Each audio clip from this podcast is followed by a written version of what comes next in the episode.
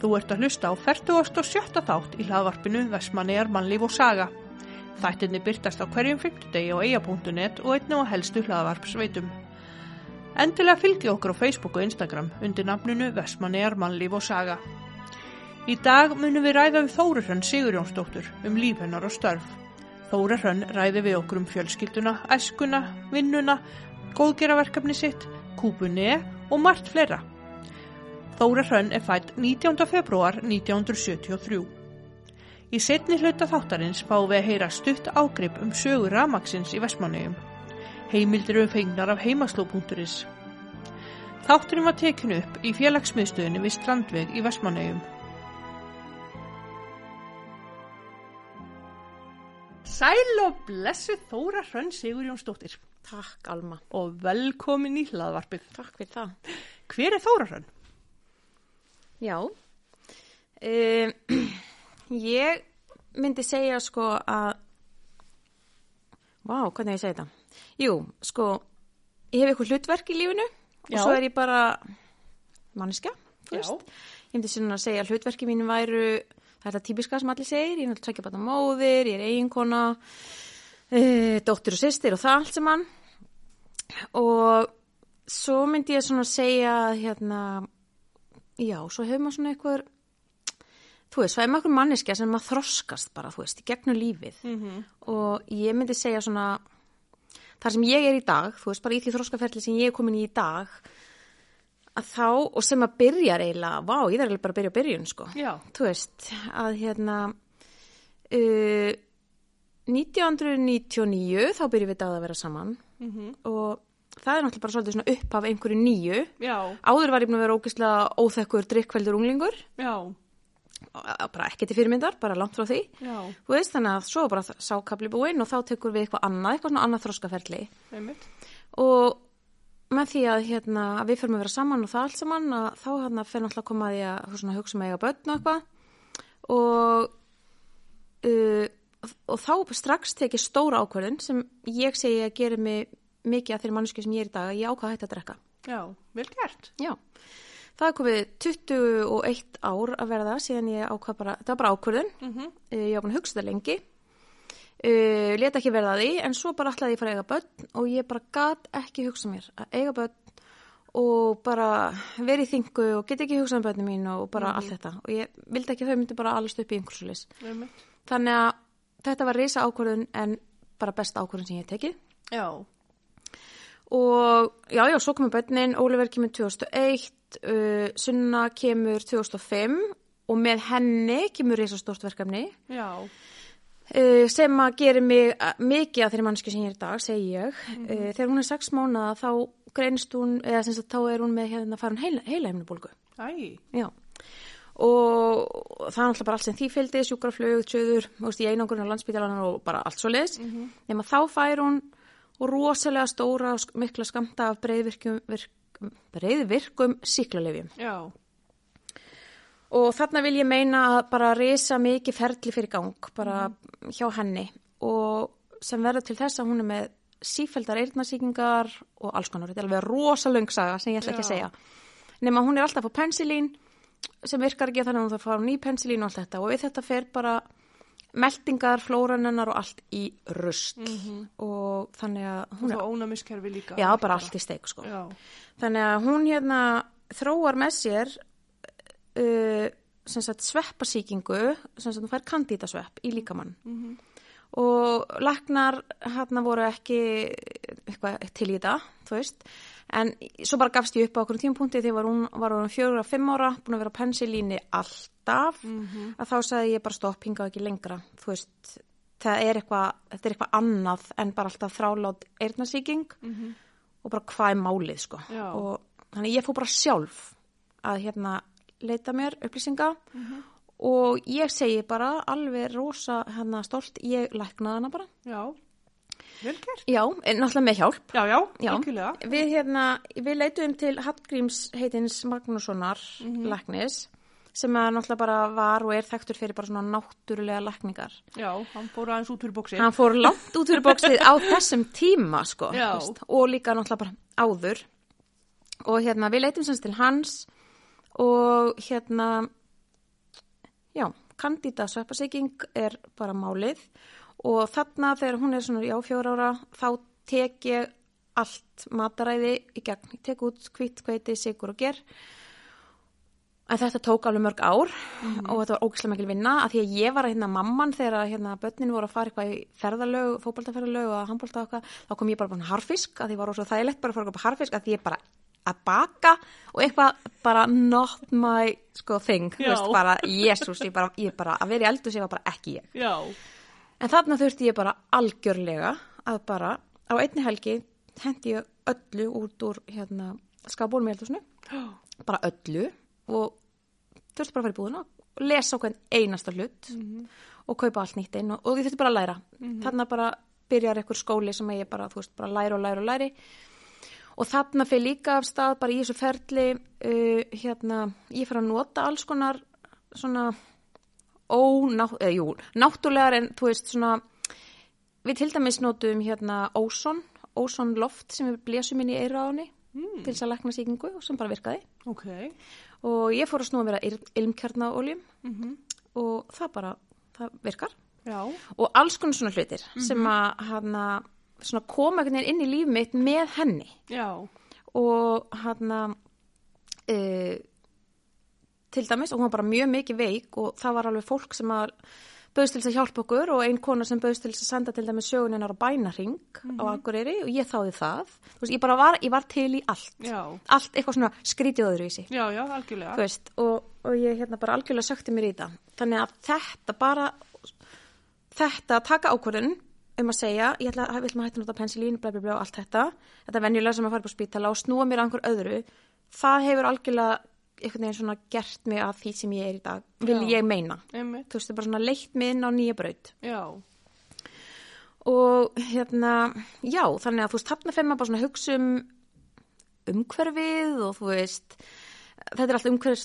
sem sagt, allt hlutir úr umhverfinu sem við erum að nýta til þess að lækna hana Mhm. og allt þetta. já, Þannig að þarna kemur þessi græna væna þóra eitthvað neginn, Já. held ég sko. þannig að eins og ég segi, maður er allt lífið að þroskast, Já. en hvar ég verði eftir tíu ár, wow, ég, kannski ekki alltaf, já, okkur, þú veist, allt annar leið sko. já, En þetta er, þetta er ég í dag allavega. já. En hvernig líður sunnudag? Henni líði mjög vel. Við náðum að komast, sem sagt, uh, bara fram hjá þessu. Mhm. En þetta tók tíma, þetta tók einhver fimm ára eða sex ára eða eitthvað. Og við reyndum alveg í, í nokkur skipti að, að, sem sagt, að fara að borða eins og við segjum óholt en að Já, gæsa já.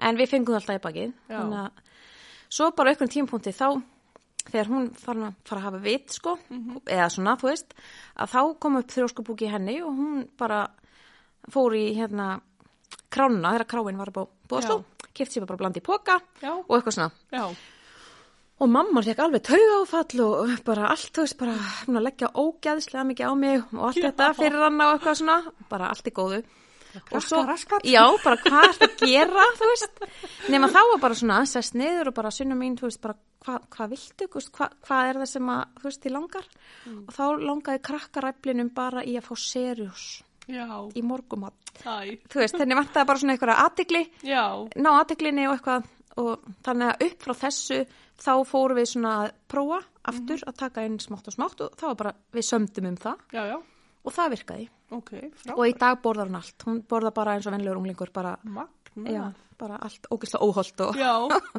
en hún kann þetta og hún veit þetta allt saman og Já. þetta er bara frábært fyrir hana að hafa þetta, þú veist þessa vitnesku algjörlega. og þessa kunnáttu, þú veist, hún, hún veit alveg hvað, hvað er gott og fyrir sig og hvað ekki Einmitt.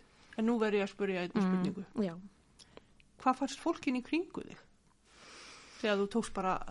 Já, bara alveg þetta í þín- uppeigju. Já, Já, einmitt. Sko, ég, sko, margir voru alveg bara, þú veist, bara, einmitt þetta, að ég var ekki þessi, þú veist, að heima að baka köku Mhm. mamma, sko. Þú veist, þetta var náttúrulega bara, jú, ég held að fólk hafa bara verið ótrúlega, þú veist, bara svona stolt af mér. Já. Allavega fólki sem var í kringum, mig, allavega mamma var alveg bara, Þóra, sko, þú getur þetta alveg. já, Þú veist, maður var alltaf líka að tala sig bara niður, skiluru, og þetta allt. En þú veist, ég bjóð til heilu uppskriftinnar og ég bjóð til uppskriftabók og, þú veist, allt þetta. já, Þannig að hérna, ég held að fólk hafi bara verið svona, já, Já. bara ánætt með þetta. einmitt. Og enginn eitthvað svona alveg bara bara akkur hlustar ekki læknana og eitthvað svona Já, nei, nei, ég bara, þú veist, og ef það hefur verið þá bara, þú veist, þá bara fara inn og var ég út um ekki að mitt. hlusta á það, sko. Einmitt, það var bara algjörlega. algjörlega, algjörlega þannig. En sem betur fer þá er þetta að breytast í dag. Já. Og þú veist, þetta er alveg miklu meira í umræðinni og þú veist, þegar ég fór upp á land, þá keypti- kom ég alltaf bara heim með fullan bíla og einhverju spelti og kókuspálmarsikri og stefi og eitthvað sem bara í dag þú fær bara út í krónur. skilurðu. Einmitt. Þú veist, þannig að ég, þetta var rosa, bara, ég var bara með lagarinn í bílskur hjá mér að eitthvað svona, Já, Nei, þetta hefur alveg breyst alveg rosalega alveg svakalega, sko, sem betur fer. Það er svona meiri vakningu, veist, eins og bara með glútól og glúten, Já. óþól og, og ímislegt Algjörlega. Þannig og þetta er bara meira viðkjönd Já, miklu meira viðkjönd já, þannig að það er bara kekja geggjað En þe- þegar þú varst að byrja, já, fannst þér ekki vera kveiti og sigur og geri í öllu? jú og sko, hérna, þegar ég fór um sko, ég tæmdi úr öllum skapum bara á einni helgi, þú veist það er alltaf sagt til fólki að gera þetta bara svona rólega Já. þú veist, en ég er ekki, ég er með strax veikina og hérna, ég þarf bara að gera allt strax -hmm. þannig að bara á einni helgi, hendi öllu skápunum fór hérna í mann ekki eins og hvort það var korona, nei, nei það var eitthvað hérna Og eins og ég segi, ég held ég að vera tvo tíma í búðinni og ég las á hvert einasta stykki og, og taldi mig vera að bara kaupa það sem ég mátti kaupa fyrir hana. Nefna ég var svo heppin að það er hérna, hún sæfina. Hann Sindra Gretas. Hún er með bara sama vandamál og sunna. Já, ok Þannig að, og það, eh, hún því miður nær ekki að hérna svona borða sig Já. frá því. Einmitt. Þannig að hún er bara alltaf að bjástra við þetta. Nefn að ég fer með pókana heim til sæfinu og bara, ég, þú veist, ég er náttúrulega, ég er svona 100% sko, það þarf Já, alltaf já. að vera 100% og ég bara viltu bara lesa át allt og viltu fara yfir þetta og bara viltu segja mér. Já. Hún sendi mér með bara held ég helmingin tilbaka. Já, Þannig að þú veist, og það lærði ég ennþá meira, þú veist, Einmitt. hvernig ég ætti að lesa og það er bara kunst. Já, að lesa algjörlega. á innihaldslýsingar og, og allt þetta. Þannig að, hérna, já, svo er þetta skreitt með alls konar já, nöfnum já, já, já. og- Ég lærði til dæmis bara allt sem endar á sko ósi, Mhm. það, er, það er bara sigur, þú veist, súkralósi og, Já. og laktósi og þú veist, allt þetta, Þú veist, þetta svona læri maður bara. Já, já, En ég fekk alveg geggjaða hjálp. já Frábært Já, En hérna, já, sem sagt, þú ert giftaða Páls já, já. og þið er tvö börn Mhm. og hérna, en hvernig, hverja manna ertu samt? Já, ég er Sigurjón Stóttir, hann er Sigurjón Óskarsson uh, er pappi minn og Sigurjón Alfreðs er mamma mín og uh, ég veit ekki hvort fólk þekki bara afa sem bara alla í livró, þú svona kannski ef einhverjir svona eldri er að hlusta og þá Já. er hérna, hann var alltaf í livrasamlæginu og Óskar Matt og hérna var afi minn, hafði þetta nú held ég flestir hver hann er eða var og, og Þóra og já, ég er bara Já, ertu einbyrni? nei, já, nei, nei, nei, nei, nei, nei, ég á tvo bræður ég er yngst, Já. svo er Gilvi og Viðar þeir eru sem sagt eldri bræður mínir Já, ok. við erum þrjú, Já, já, geggja já, já og við erum náttúrulega bara öll, við, svo eigum við bara útgerð Mhm. og við erum bara, þetta er bara fjölskyldu fyrirtæki Já, bara eitt af fáum fjölskyldu útgerðum sem að eftir eru á landinu einmitt, þannig að það er bara gaman já Þetta er allt komið inn í ykkur svona stór já, fyrirtæki já, já, og já, eitthvað já, já, þannig að við erum bara öll að vinna saman Já, sem er frábært. já, indislegt Mhm. Það er ekki bara svolítið gaman Jú, það er, þú veist, ég veit ekki til dæmis hvað, ég væri í miklu sambandi við bræðum mína ef við værum ekki að vinna Já, svona saman, sko. Einmitt. Það, það, er, það er bara góð pæling. já, algjörlega Já, Það er dýrmært já, En hvernig barn og úlingu varstu, segiru? já, ég var búin að segja það, ég var hræðilegur, Hræðulegur úlingur ég var hræðilegur unglingur. Það Ég varstu hérna- gott barn Já, já, örglega, þú veist, Já. ég, ég er reyndar einhvern veginn þannig að ég man rosa lítið, Ok, svona, það er eins og ég hefði blokkað út, sko, þannig að já, bara hinsaði þetta Já, bara þetta var, þetta var ekkert sniðugt hana, Já. þannig að þú veist, þetta er bara svona, svolítið svona blokkað. En, þú veist, það var bara gaman, það, það sem mamma man var bara gaman, þú veist. Mhm. Og ég bjóð náttúrulega ítlaðugutinni, uh, út að leika, þú veist, allt þetta, þannig að ringapunkt og mamma út og stjætta, garga matur og, Já. Mm. þú veist, þetta eru svona geggjaða minningar og allt frá því að maður var svona batn og unglingur, sko. Einmitt Þannig að, jú, ég var ekki góður unglingur, það verður bara að segist eins og er. En hérna, en bara, held ég hafi bara verið, Já, bara allt í góðu. já, bara svona Vonandi. Eðlilegu krakki Já, ég held að. En hvernig fannst þér að alast upp í eigum? Mér finnst það gekka, Mm.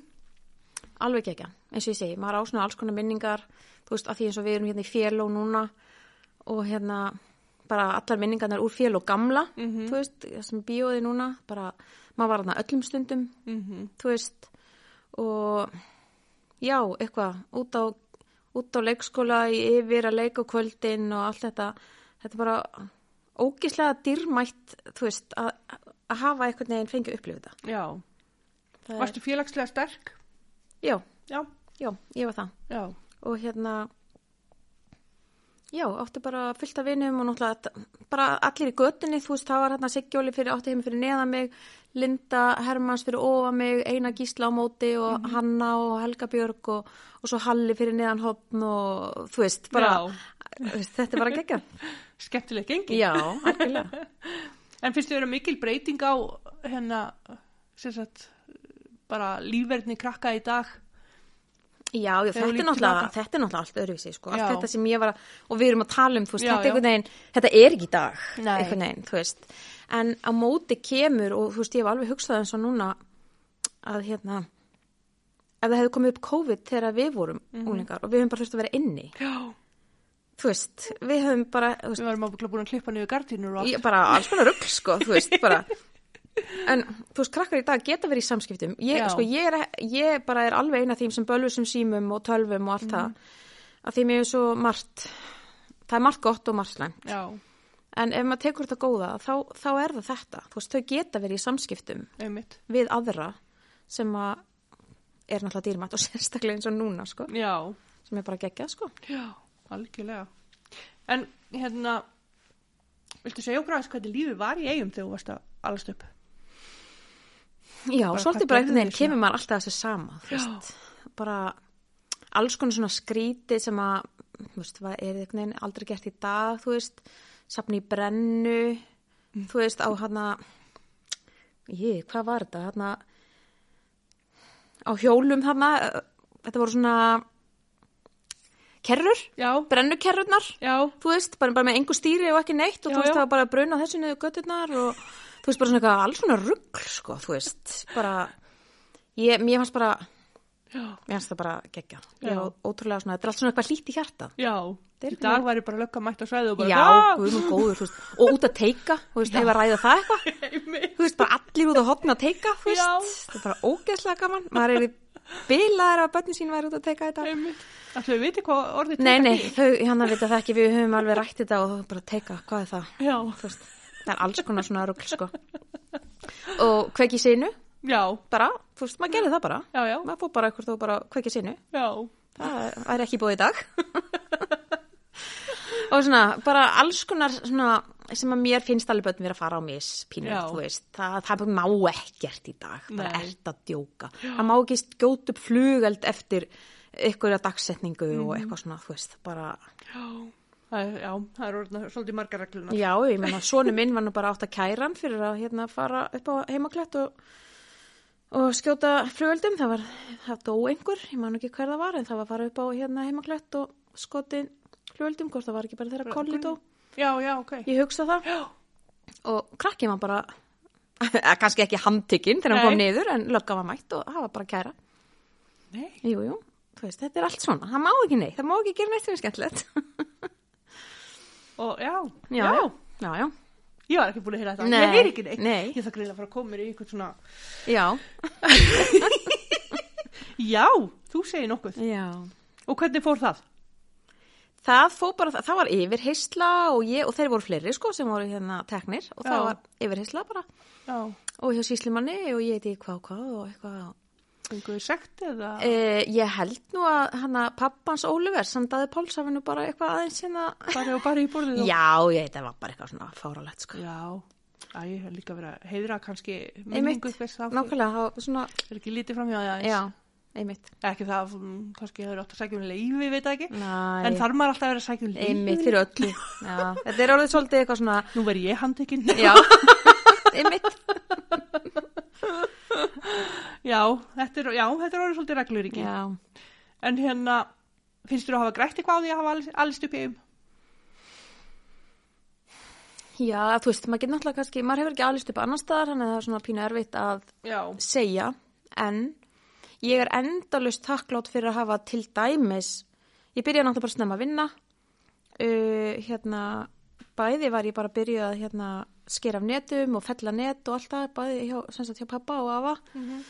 Og Hvað stu gömul þú byrjar að vinna? Úf, ég veit það ekki. Nei, Ég var bara ung, sko. Já. Ég var að vaska upp á skútanum gamla þessum lundinni núna. Já, Ég ok. skrópaði skólan til þess að, þú veist, ég- mér finnst það bara geðvegt. Já, bara að vera í ég var uppvask- þar líka. Já, bara að vera í uppfaskinu, þú veist, ég bara, eins og ég segi, skrópaði skólan til að mæta þanga. Já.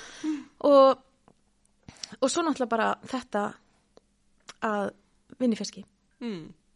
það, svo vinna hefur breyst svo sjúklega mikið sko, og það er sorglegt, Já. finnst mér Já. af því að ég náði ég náði svona í rassin á þú veist, verbúðalífinu uh, þú veist að, að vera að vinna í bónus og akkorði og þú veist allt þetta vera á vélunum, mæta klokkan 5 þú veist, vera svona hluti af einhverju svona grúpu og, og svo var ég alltaf að þrýfa líka að sem sagt vélarnar eftir vinnu þannig að þú veist maður var vinnan í Ísfélaginu var einhvern veginn bara lífið Já. og þetta finnst mér bara alveg það var geggjaða tími Já. bara, og mér finnst svo sorglegt að einhvern veginn að krakkar fá ekki upplifa þetta Ég mynd. í dag og þetta var bara erfiðisvinna Já, já. þú veist, maður var að bera á borð þú veist, það var bara fulli bakkar af flökum, bera á borð, taka niður pönnur og þú veist Mhm. þetta, þetta var bara erfitt Já, já. en djúl hafði maður gott að þessu Já. Þú eru hörku duleg. já, og ég bara, ég tel mér bara að vera djúla Já. og eins og ég segi, þú veist, ég er, ég dúar Já. ég er ekki þingar ég, jú, ég, ég hugsa en svo framkama ég hlutina Já. þannig að ég er dugleg Já. ég, ég segi það bara alveg sjálf Já. Algjörlega. Bara magnað. mm. Já, krakkarnir eru fara svolítið á mis við að- að komast ekki í fisk og já, finnst bara, mér.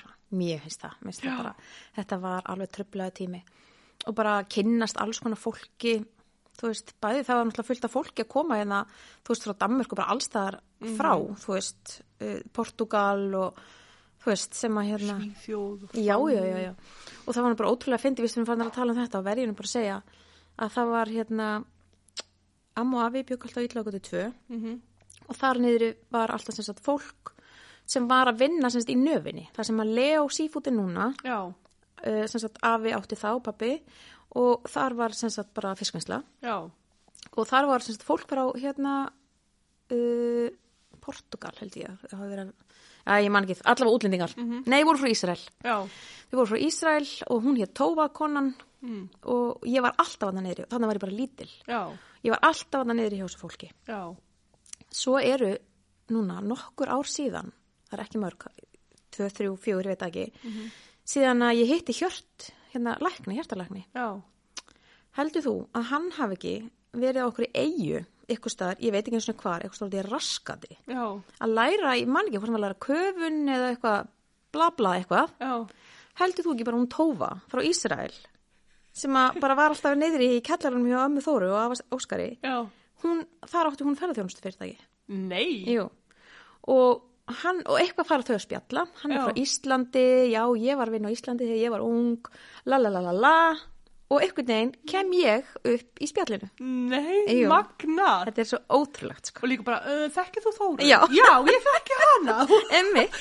Ég, ég fæ bara ekki þess að Já, en þetta svona er svo geggja skemmtilegt. En gaman. Já. Vá, þetta sýnir manni hvað heimurinn líður. Algjörlega, algjörlega. Og, og þú veist, að þó að, sko, fyrir einhverjum, sko, griljan árum, þó að einhver hefði verið að ná hittana, en þú veist, nú getur maður verið í samskiptum. Já, þú veist, það er það góða við Einmitt. tæknina og Já. tölvurnar og síman og allt það. Algjörlega. Það er að geta verið í samskiptum við bara einhverja einmitt. hana tófu í Já. kjallaranum hjá ömmu Þóru. Senda vinabinni Já. á Facebook og segja Já, hæ. einmitt. Algjörlega. Nei, vá, þetta er Já, magnað. já, samt. þetta er ótrúlegt. Ég, spennandi. Og eru þið þá í samskipt í dag? Heyrðu, uh, ekki, nei, ekki miklum, Nei. en þú veist, við vitum okkur hannari Já, já, og hann að auðvitað væri geggja gaman að fara að heimsækja hana. algjörlega. Hmm. Það er kannski komið á, á bucket listin. Gæti verið. Bucket listin. Já. Vá, hvað er ég orðin eitthvað dönsk eða? Já, já. allt í ruggli hérna. En já, skemmtilegt. Hvað hérna, hvernig upplifur ve- samfélagið Vespanum? Svona núna, Mm. uh, það er alltaf öðruvísi en það var. Mm -hmm. Það eru svo bara mikið útlendingum. Ég er alls ekki að segja að það sé slæmt, það er bara svona, það er öðruvísi. uh, það er ekki svona vantar, eða kannski vantar ekki en svona þú veist, það eru færri svona svona típur svona alls konar, Já, svona karakter. já, svona karakterar, Mm, þú veist. Það var svo gaman, ég man ekki hvort að búið að taka niður myndirnar niður á klett. já, Það voru myndir þar af svona alls konar köllum, já, þú veist. Þetta er svo eitthvað, þetta er einmitt eitthvað svona sem situr í minningunni. já, Alls konar svona einhverju karakterar. já, Siggi Reym og... Já, já, bara Já, alls það- konar. Og það bara hlýti hjarta Já, alls konar fólk svona. Um, já, þú veist, samfélagið er gott, skilur við. Já, Þú veist, ég held að það sé ekkert öðruvísi en á öðrum litlum stöðum út á landi, þú veist, Einmitt. oft er að tala um sem er í kjaftagangur og la la la, en það er bara, það er þannig allstaðar. ég held það líka. Já, Mm. já, ég held að það og maður stjórna því sjálfur hvort maður tekur það inn og segja það ekki. Já, já. Eða tekur þátt í því? eða- Já, Mhm. það tekur þátt í, algjörlega. Þannig að mér erst bara samfélagið gott. Já. Ég get ekki sagt hana. En finnst þið mikil breyting á samfélaginu núna og til dæmis sinna áður fyrr? Um, ég veit það ekki. Hvað meinar þú svona... Þú veist, finnst þið vera meiri svona samgangur á milli fólks eða minni samgangur eða... Já, ég... Ég eiginlega bara, ég veit það ekki. Ég, sko, ég er hræðileg innvera og innvera. Já, Ég, þú veist, með bara félagsfælinu hásti, sko. þú veist, þannig að ég bara... Ég heimsæki engan, já. eða þú veist, og einhvern veginn, Já, já. þannig að ég einhvern veginn kannski ekki dómbær á það. Nei. En hérna, hvað finnst þér einhverja fólk frá Vestmanniðum? Eða sem býr í Vestmanniðum? Já.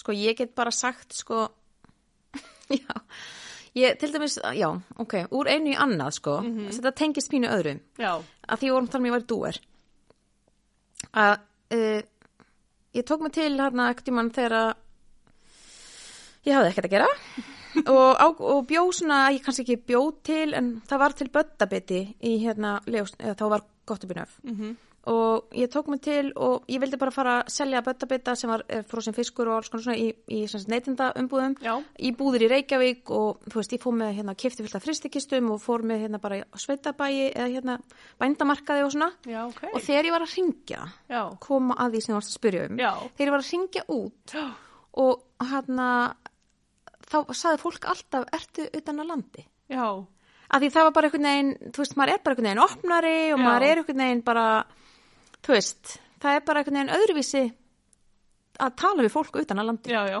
Það er bara, ég veit ekki hvað það er, nei, nei, en það er bara, veistu, allir einhvern veginn spotta það út já, að hérna, að ég væri ekki bara úr borg áttans. já. Þannig að hérna, vá, nú er ég með saman að gleyma hvað spurningi var. Ég hef alltaf nefnilega að segja þér sögu að þessu. Já. Ég var að vinna á SO í nokkur ár, já, upp á bílsöða. já, Og þá einmitt hérna var ég oft spurð að því bara, ertu utan á landi? Mm. Af því maður var einhvern veginn allt öðris í, í framkomu. já, heldur svona í en- frasi og Já. hvað, já, Heldur en hérna. já, fólki sem bjóði, eða segja frá Reykjavík já, já, það bara er einhvern veginn og maður öðruvísi. spottaði líka bara sjálfur og veist alveg bara, Já. hei, þú ert ekki Já. þar að staða frá, þú veist, Já, einmitt. þetta er fyndið Já, en þetta er jákvæmt. já, algjörlega, en, en samt ókslega skondið Já, já. en já, spurningin var sem sagt eh, hérna, hvað finnst þér einkenna fólk Já, það er frá því að býr í Vestmannum já, já, ég veit nú svo sem ekkert endilega hvað hérna, einkennir það, ég nema kannski þetta, ég held við séum bara opnari og þú veist, einhvern veginn, bara til í, til í hlutina og svona, Já. þú veist, svona dúrar held ég. já, smá Já, drifkraftur Já, ég held það. en hérna alveg, já, þú ert búin að spö þú ert eiginlega bara búin að svara er spurningunum það sem fór. en hvað er það að gera núna? Oh my, Já. amma. hvað er ég að gera núna? Ég er að, ég er svo heppin Mm að ég fæ að uh, vinna við áhugamálum mitt. já, Ég er náttúrulega reyndar að gera tvent. Það er tvent stórt sem ég er að gera í lífinu, hvað ég er að, sem ég er að vinna við. Ég er náttúrulega eins og ég segði á þann, þá er náttúrulega eigum við útgerð og rekum hana og þar sé ég um allt skrifstofu, alla skrifstofinu. Bókald, laun, um, all, allan útflutning, uh, bara allt sé um það allt saman. mm Svo er það sko áhugamálið Já. sem ég fæ að vinna við líka og það er kúpunni, já búðin mín sem að er núna komið réttur umt ár síðan ég opnaði mhm og hinn vinnan er náttúrulega bara að þvælast fyrir mér en hún er það sem heldur mér sko gangandi hérna tekjur og annað en Já. hitt er náttúrulega bara allt sjálfbúða vinna og, og alltaf en það er ástriða mín Já, algjörlega Þannig að hérna, já, ég sem sagt bara opnaði vestlun sem að hérna og er að selja notaðan fatnað Mhm. sem bara vestmanneingar gefa mér Já, sem að ég er bara endalust þakklátt fyrir, þú veist, Já. þetta, bara, þetta væri ekki hægt nema því að það er allir með mér einhvern veginn í liði. einmitt. Og já, sem sagt, í staðan fyrir að fara með fötin í Rauðakrossin, þá kemur fólk með það til mín Mm -hmm. og gefur mér og þar með gefur mér leifi til þess að bara selja áfram og þetta er bara bilað. Já. Þetta er svo geggjað. Einmitt. Ég fæ náttúrulega bara ótrúlega mikið magnafötum uh, sem að hérna uh, geri það að verkum að ég get valið úr bara það allra besta. Já, já. Ég var, við erum búin að vera að grínast með hann í búð að á einhverjum tímapunkti verður kúpunni bara búð með sem sagt, fötum með miðanum Já. sem enginn hefur notað Já, og merkjavara. já, ok. Þetta er bara, Það er bara svo leys. það er bara slis. Ég, við, ég held við sem bara fikir okkur í þá átt sko. Já, Þetta er ótrúlegt, Mað, bara það sem kemur í pókanum, það er bara, það er geggjað fyrir okkur, Já, en já. þetta er náttúrulega Nei, þetta ekki, er sorglegt þetta er líka. sorg, alveg hræðilega sorglegt, sko. En, og ég segi, sko, hérna, það er frábært hvað, hérna, fólk er líka dögulegt að koma, Mhm. það er æðislegt, en ég myndi auðvitað vilja sjá, þú veist, fleiri andlit, já, náttúrulega svolítið bara svona eins og al, í öllum búðum, svona sömu Já, já. andlitin sem koma. En hérna og ég held náttúrulega að það er þið sko mest útlendingar. já, Það var svona eitthvað einn svona mín tilfinning þegar Mhm. ég var að fara að byrja en það er sko langt frá því að vera þannig. já, Auðvitað komið þeir líka já, en það er alls konar fólk sem kemur já, og það kemur svo öllum mikið og óvart bara, bara, ha, bara, já, er þetta nótu fött og bara, þú veist, búðin er svo fín og það er ekki þessi lykt sem að rosa margir sérstaklega á Reykjavík sem koma og bara trúa því, getur sem, sem Já. sagt notað af því bara lyktin er góð Já. inn í búðinni, Við hún er getum skilst snirtileg við lykt nei, eftir og- Já, ekkert svona skápalykt Einmitt. og, og hérna þannig að þetta er það sem ég er að gera í dag já. og hérna, En hvernig var þetta verkefni til? já svona þetta er svona draumur sem verður að veruleika þetta er svona eitthvað eins og ég segi, svona í þróskaferlinu eitthvað sem gerist bara á háréttum tímapunkti, þú veist þetta bara þetta er búin draumur frá því að ég var lítil stelpa Mm.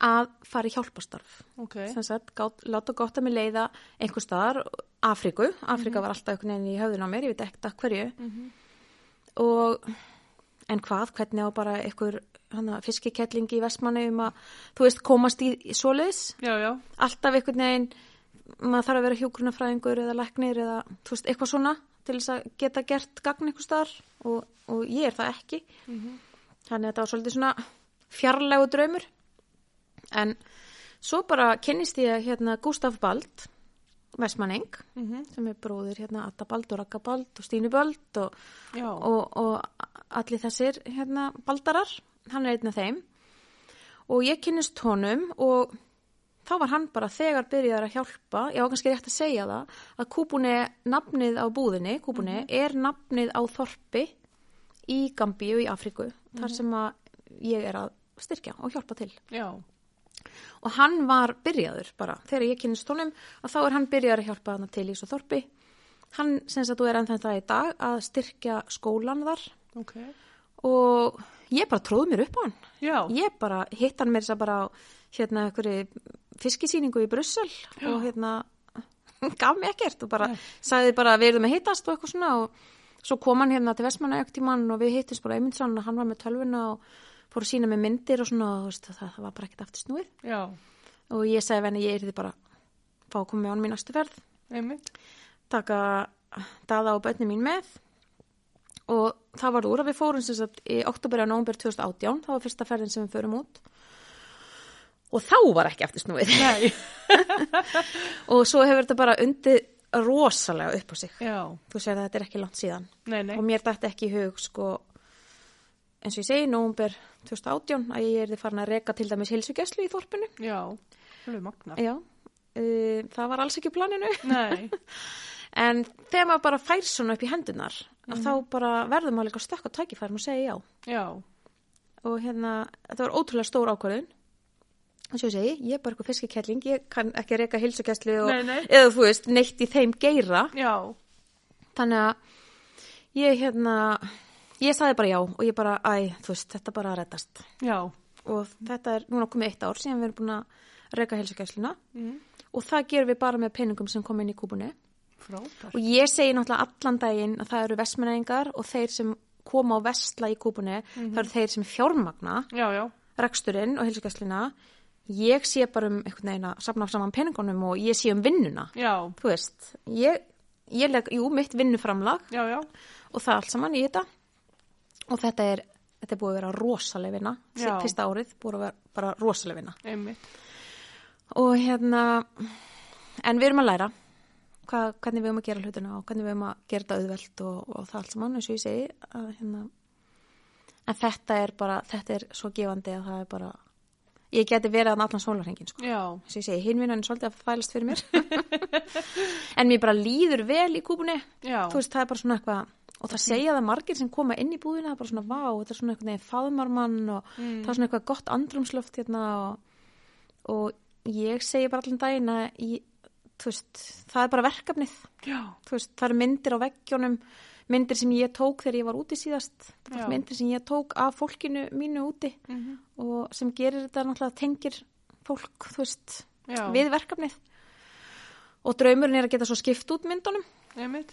og hérna, alltaf þegar ég fer og ég var bara í gær að panta nú er ég Já. að fara bara, er ég búin að fara hérna núna í tvö ár Já, ok. þannig að nú er ég að bylast spenning þannig að við erum að fara núna bara uh, 15. februar Já, ok. erum við að fara aftur út Já. og hlakka Æstu þá að taka fullt að dóti með þér og eitthvað svona? um, Nei Svona, sko, búin að læra sko sjúglega mikið á, Já. öllu, á, á þessum fáu árum sem ég er búin að vera bara að segja þessu, þá hef ég lært alveg bara endalust mikið. Um, sko, ég er náttúrulega með verkefni að núti, svona dömbindaverkefni, mm Mhm.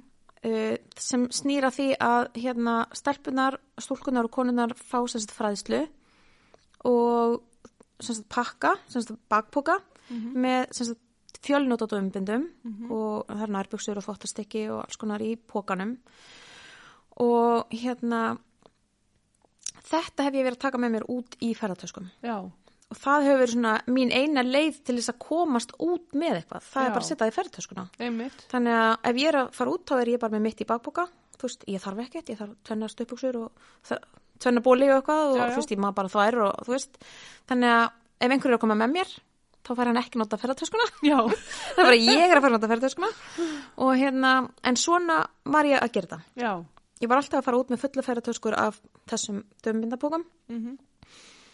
en síðan flutti ég reyndar út gám.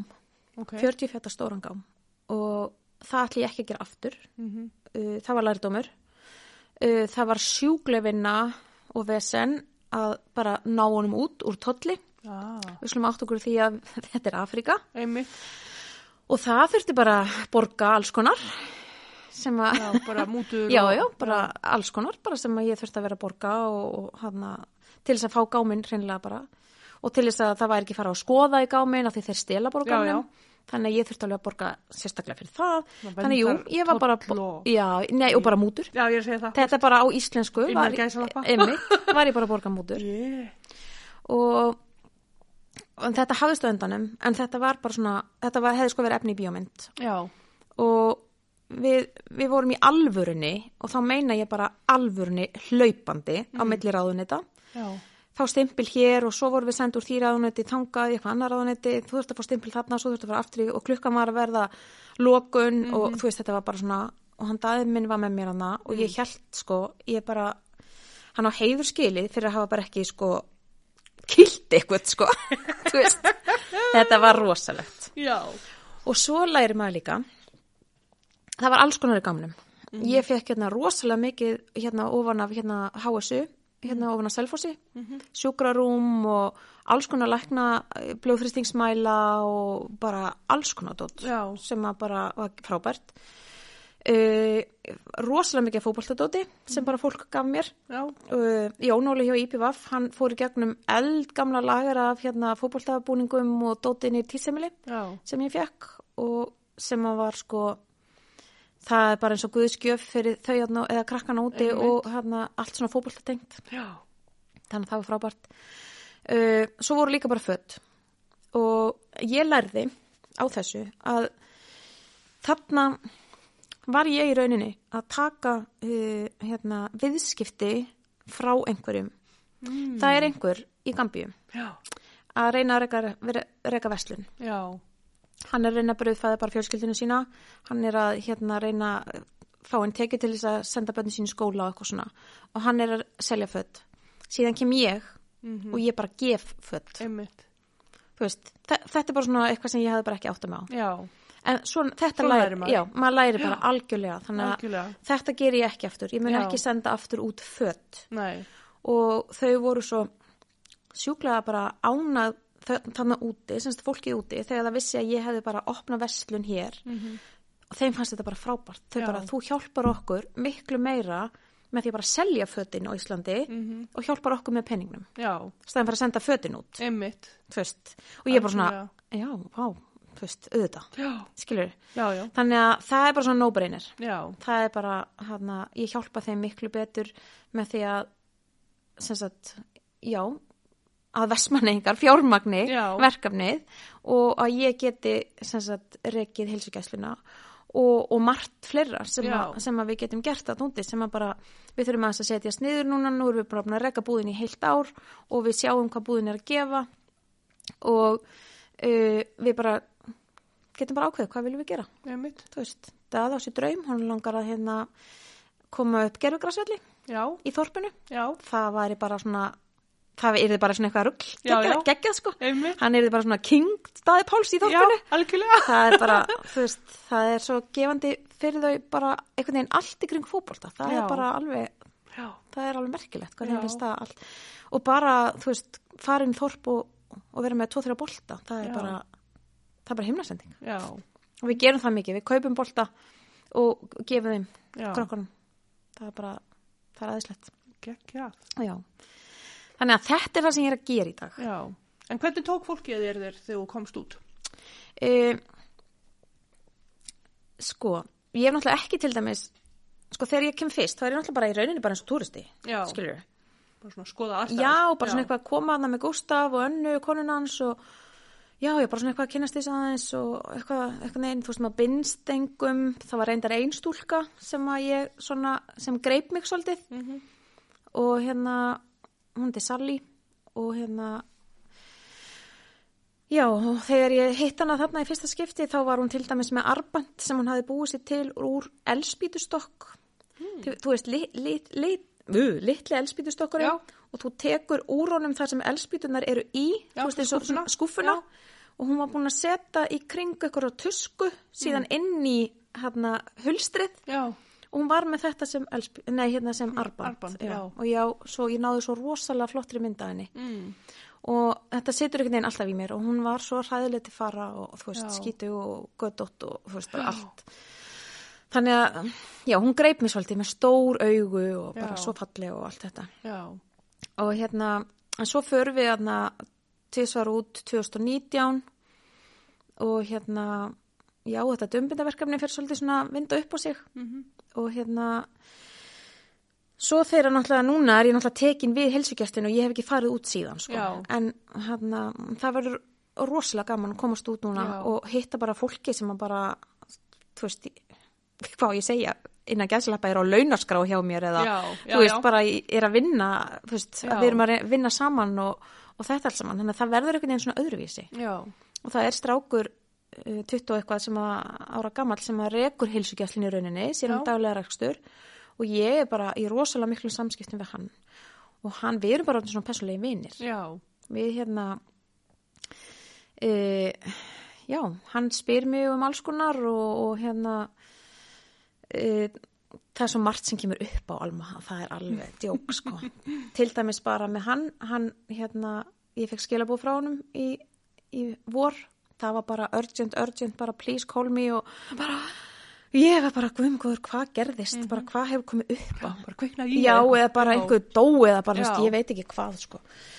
Svo ég ringi í hann og hann var algjörlega, hann var bara svona í einhverju svona ástandi, sko. Bara, Ég þarf bara var smá stundan á hann niður og Mm. eitthvað. Já, Þá kom í ljós og þannig læri maður, alltaf að læra eitthvað nýtt, að pappans var sem sagt að skipa honum að gifta sig.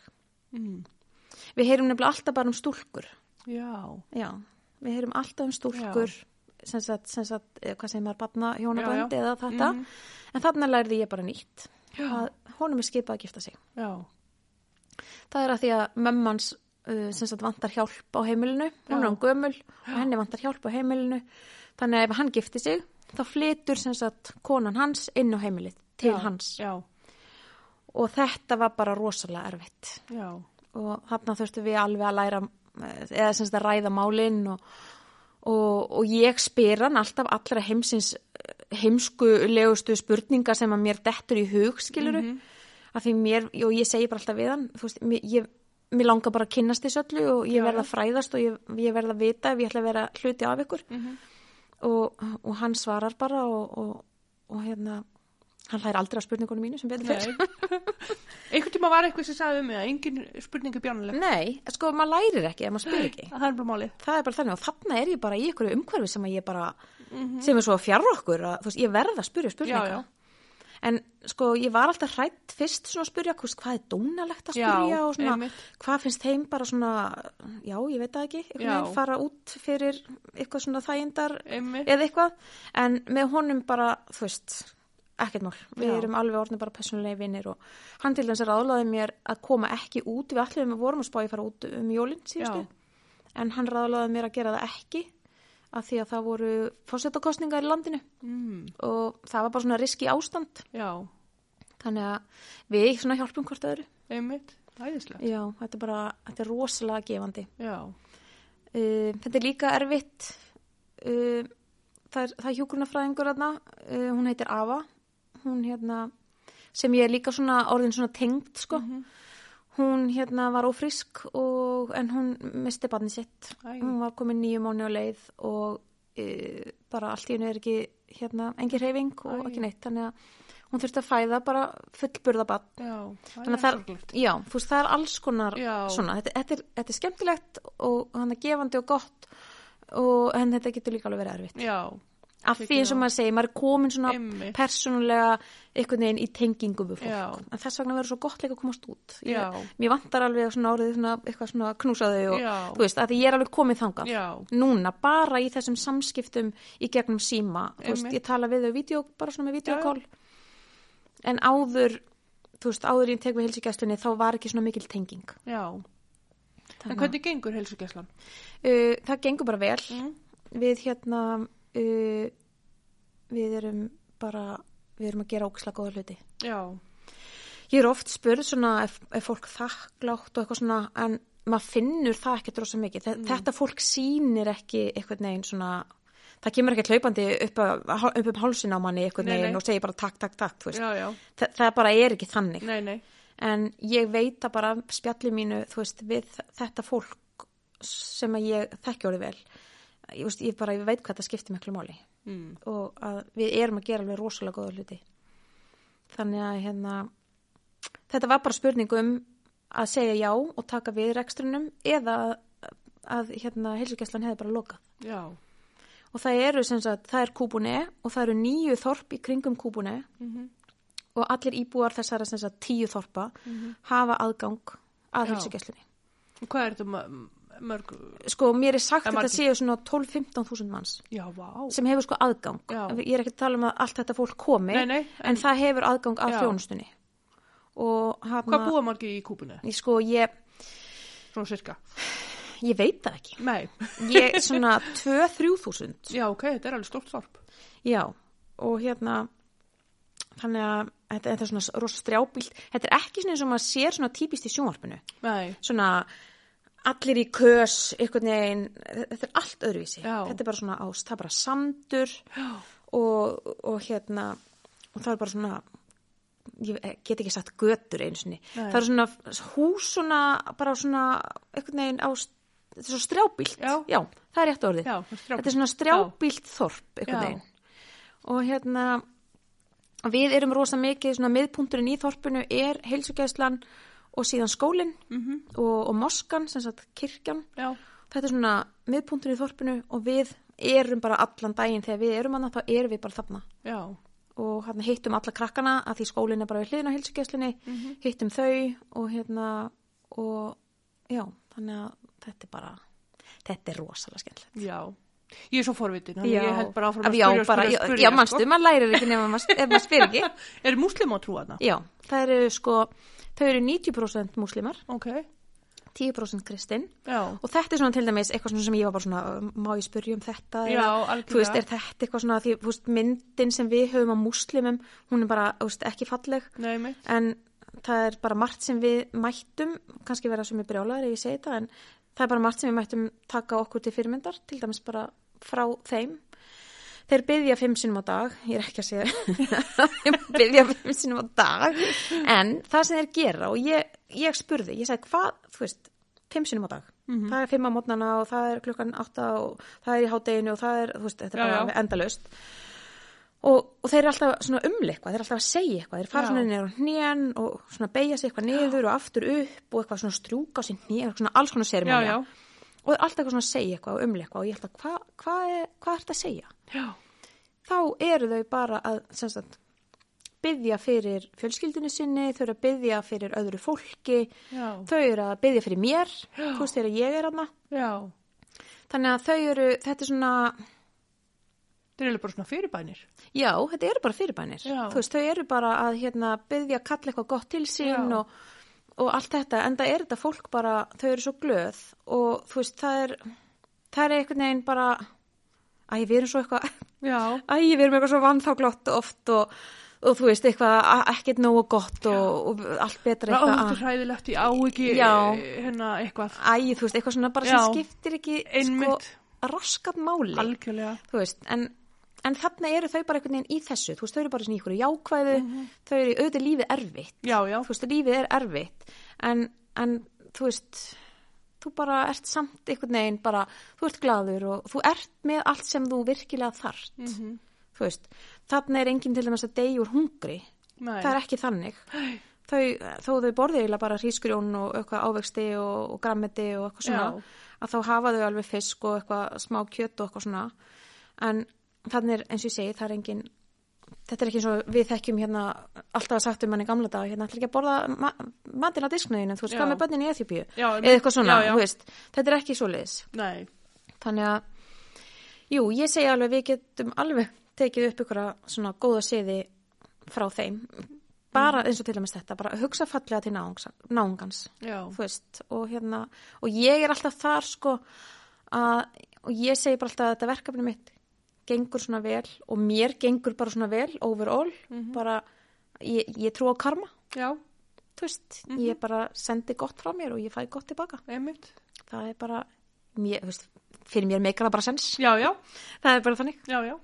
þannig að hérna, Maður uppskýrir eins og maður sáir. Það er Algjörlega. bara svolítið svo það er bara alveg þannig og, og svo maður haldið áfram sko, eins og pappi segir sko, þeir fiska líka sem róa Já, það er bara þannig, það, þarna kemur inn að vera duglegur og, Já. og hérna og hérna, já þannig að, já, þetta er bara, ég, þú veist, ég get ekki komið nógu vel að því orðum sko hvað þetta gefur manni mikil, já, þó að vinnan sé sjúklega mikil, þá er hún sko bara alltaf þess virði, já. það er En bara í þannig samband við trúna, þú veist, að því að Já. það er múslum að trú og þú ert Já. Mhm. náttúrulega vættalega kristinn. Er það ekkert að stangast á neitt?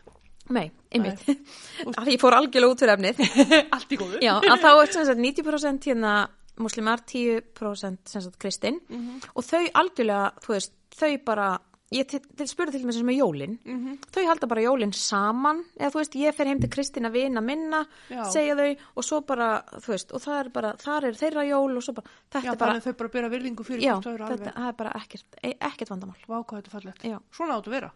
svona á þetta að vera þetta er bara, Bara, já það eru bara allir, Algjörlega. en það eru síðan sko svona ætt bálkar mm, eða þú veist, það eru svona, hvað segir maður, jú, ættbálkar Mhm.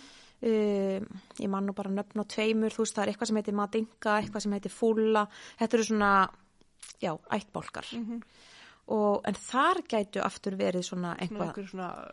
já, Allt svona fyrir milli. æ, þú veist, Tóru Týr, þú veist Já, einmitt, já, svona smá rígur. já, Já. þar gæti verið eitthvað svoleið, sko Já, Þannig, að- en ekkert sem við verðum vör við, sko nei.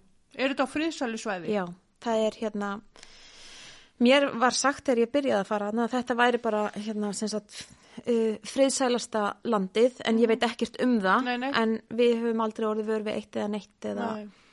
það var sem sagt fórsetin sem var áður, þessi fórsetin sem að er núna og sem sagt var endurkjörin núna um jólin, hann var búin að vera í fjögur ár. Já. En sá sem var á undan, ha- hann var ekki góðu fórseti. Nei. Það, fólk, þar var fólk bara að hverfa og... Já, og bara bara, spilltur. Já, Já, þú veist, þannig að það er bara búið að vera mjög gott frá því að við allavega byrjuðum að Já. fara hana. Sem að er, þú veist, það er, maður er svona rólegur. já, Það er svona, maður er rólegur svona í hjartanu að vera að fara. einmitt.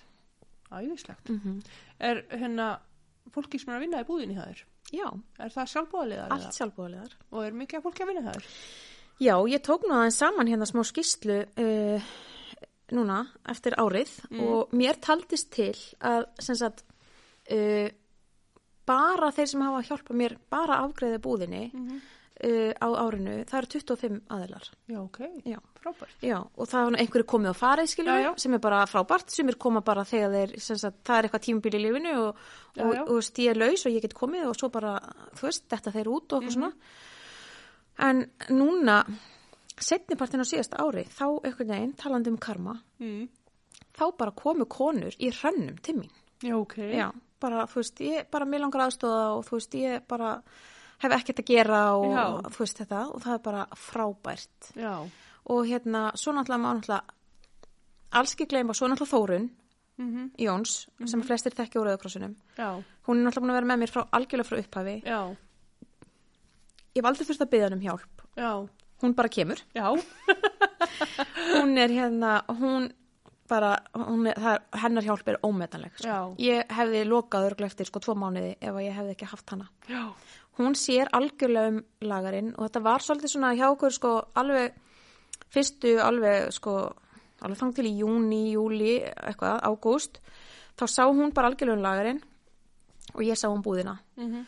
uh, hún bara fer, hún flokkar allt og fer gegnum allt og, og þú veist bara fólk bara, þú veist það er ekki eins og þetta segja hvað er mikil vinna í lagarinnum þeir Einmitt. sem, þeir sem koma á bakvið og sjá lagarinn Já. skipulagiðar og allt það, það er bara það á ekki orð já, og en það er búðin skipulöð, þú veist, það er allir ræða eftir stærðum þá þarf lagurinn að vera það líka Einmitt. og allt þetta, þannig að hún er snillingur já, uh, já, og svo hafa komið hann eins og ég segi 25 aðlar svona komið og farið og núna er ég komið svolítið svona fastarkonur ok. sem að er frábært Já. af því ég þarf að sinna hinna vin- hinni vinnun minni líka Einmitt, og ég er búin að segja það áður að þetta er búið að vera alveg strempið ár sko já, já, þannig að núna er ég svona að verða aðeins lausar við af því ég er bara farin að- svona og ég er aðeins farin að sleppa tökunum það Já. er svolítið svona barni mig Já, já. það var rosalega erfitt að einhvern veginn að fara og skilja eftir og eitthvað svona Já. sko en ég er alveg að komast yfir það núna Já. ég er alveg að treysta þeim fyrir þessu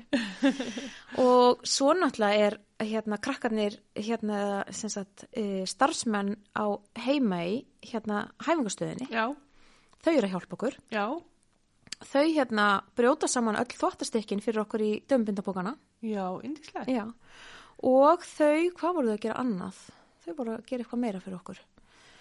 Og, og svo náttúrulega hérna, uh, fólki sem kemur í dagdvölinu upp á hérna, hraumbúðir. Já, Ég er að reyna að vanda með sig ekki elli heimili, já, já, upp á hraumbúðir. Já. Það er dagdvöl, þar sem fólk kemur inn, það er semst ekki vistmenn á hérna hraumbúðum, heldur bara fólk sem kemur langað inn í dagdvöl og þau eru búin að vera að þræða semst bönd í pókana fyrir okkur, sem semst Mhm. dömubindapókana og þar eru held ég tveir kallar sem að eru að hérna setja smetlunar á dömubindin.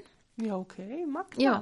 Þannig að þetta er alveg orðið svona samfélagslegt verkefni. já, ég ætlaði að mynda bara að segja Já, það. sem að Það er að er, virka allt og alla. já, og þetta er bara svo geggja, þú veist, Já, og það eru svo margir sem að þú veist bara vilja aðstóða og það eru margir búin að koma með alls konar hugmyndir Mhm. um alls konar sem að er frábært sumt gengur, sumt gengur ekki Mhm. þú veist og hérna, en þessi hjálp þú veist, hún gerir verkefni að því sem það er einmitt. Þú veist, Algjörlega. þetta væri ekki svona stort og mikið og, og ég hefði einhvern veginn ég, þú veist, ég Þú hefur ekki tök á að gera allt Nei, eins, sko. þú veist, ég bara, og svo er alltaf allar saumakonunnar, guð, ég má Já. ekki gleyma þeim. Öllum, allar saumakonunnar sem að hérna er að sauma náttúrulega bindin Já, og, og hérna þvottastekkin og allt þetta og þetta er alltaf endurvinna. Við erum Já. að endurvinna efni, uh, sænguvegar, handklæði, gá- gardínur, alls konar sem við erum að endurnýta í þetta alls mann. já, Þannig að við erum alveg sjúklega umhverfisvænar. já, bara frábært. Já. En er nóg vatnan á svona til þess að, þú veist, Þvó. Þvó, já, sko, uh, það eru brunnar. Já, Þetta fólk hefur ekki rennandi vatn nei. heim til sín, sko. Uh, en það er til dæmis eitt verkefni sem að okkur langar að skoða. Mhm. Það er til dæmis eh, komið þannig í þorp, einu þorpi við hliðina. Já, Þar er komið rennandi vatni í einhver hús og það, Ok. það er bara svona verkefni sem við getum alveg gert já, einmitt. og væri gaman að geta gert. En það er, vatn, en það er konurnar sækja það náttúrulega í brunna og það Já. er náttúrulega bara, eins og það er það, eitthvað svona sem við þekkjum frá Afríku, þú veist, f- konur að bera uh, brúsa eða hérna fötur á hausnum Einmitt, og heim og þetta er mikið það sem stúlkurnar gera. já, Stúlkurnar vinna mjög mikla erfiðisvinnu, já, það er sækja vatnið og, og allt þetta. einmitt. Einu svona kildi ég nú næstu í eitt kallan úti, ég venn, ég venn nú bara að segja það. Ég var brjáluð, ég venn nú ekki oft brjáluð en jésús. Þá vorum við í svona garði, það kallað svona women's garden og það er svona, eins og við þekkjum, þekktum bara í gamla dag hérna skólagarðana, eða þú Já. veist. Þetta er bara svona risastór garður þar sem hver kona hefur svona sinn skika og hún er að rækta græmmeti fyrir heimilið og eitthvað sem hún getur líka selt Já, og þ- hún Sally mín, stelpan sem ég var að segja þér ráðan hún er semst í garðinu með mömmu sinni og þau, þær eru með svona skika sem er lengst í burtu frá brunninum Mhm.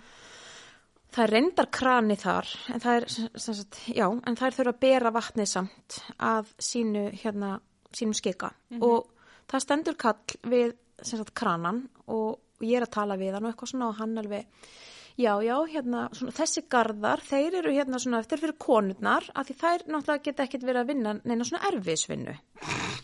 og svo kemur Sally mín, hérna, uh, í sex ára eða eitthvað, og með fötuna, og hann skrúar frá krananum í, lætur renna vatn í fötuna hjá sex ára gamalli stúlku, Mhm. og hún smellir síðan bara fötuna upp á haus já, og lapar með hana. Já. Og ég varð svo, það fauk svo í mig, einmitt.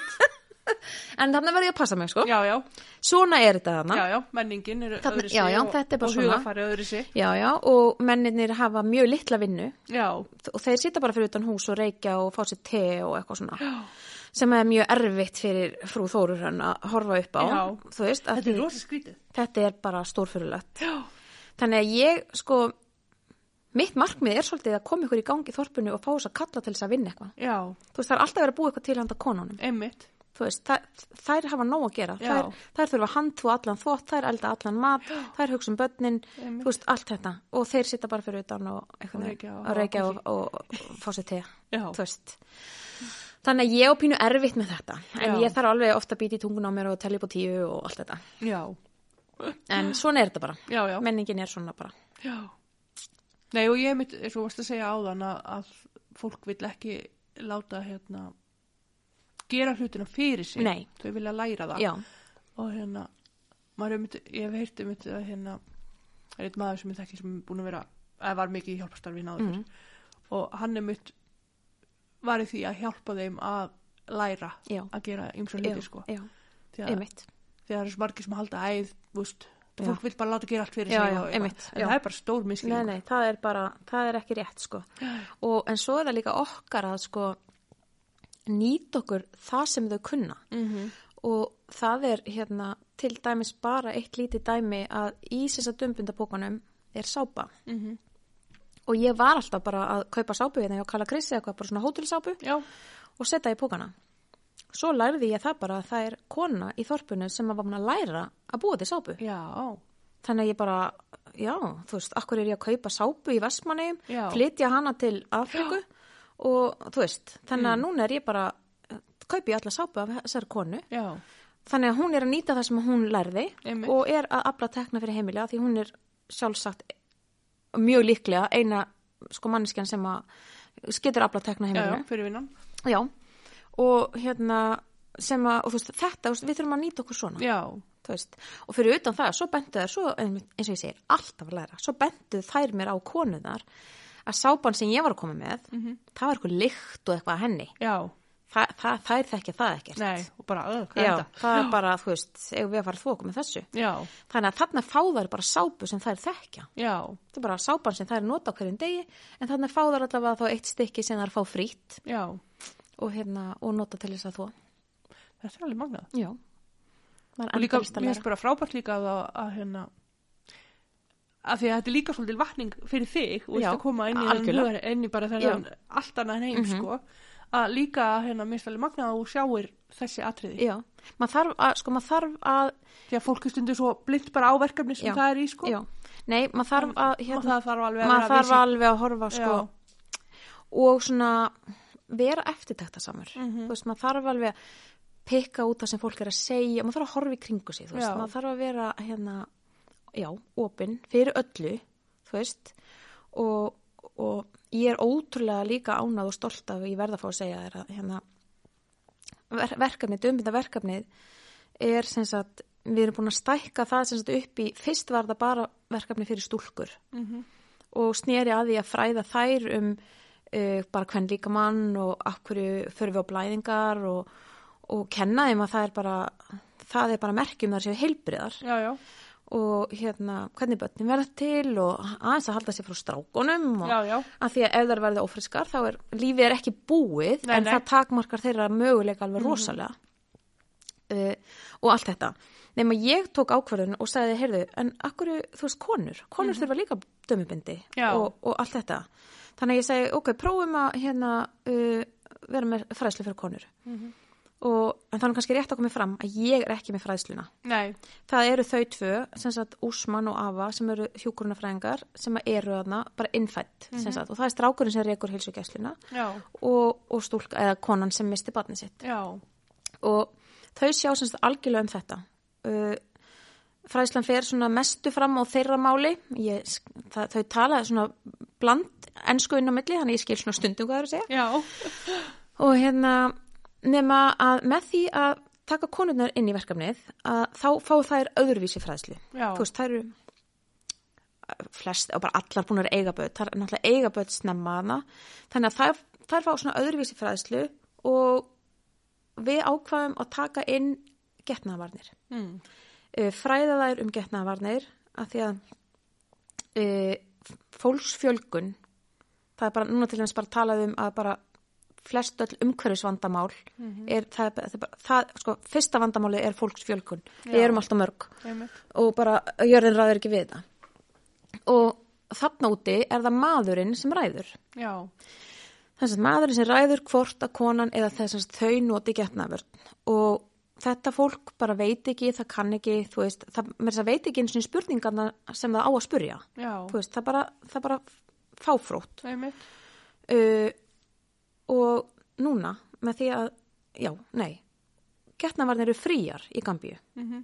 þannig að þetta er svo, manni finnst þetta svo bara, uh, er að Já. djóka, það er fríja getnaverðin, en það notar engin getnaverð, já, af því að þau bara veit ekki já, og hérna þannig að þetta var frábær ákvörðun að gera þetta, taka konundar inn í verkefnið fræða þær, þannig að núna fara þær sem sagt heim eftir svona fræðslu og bara tala við manni sinn Mhm. og, og þau geta saman tekið sem sagt bara upplýsta ákvörðun já þannig að hérna núna eru þær að koma með mönnun sínum á Ókei. heilsugæsluna og maðurinn segir náttúrulega, Já, já. þú veist, við, við viljum nota þetta kalla family planning já, að hérna, við viljum bara nota svona getnavarnir mhm og þegar ég var úti síðast þá kom hún afa með A4 blað Mhm.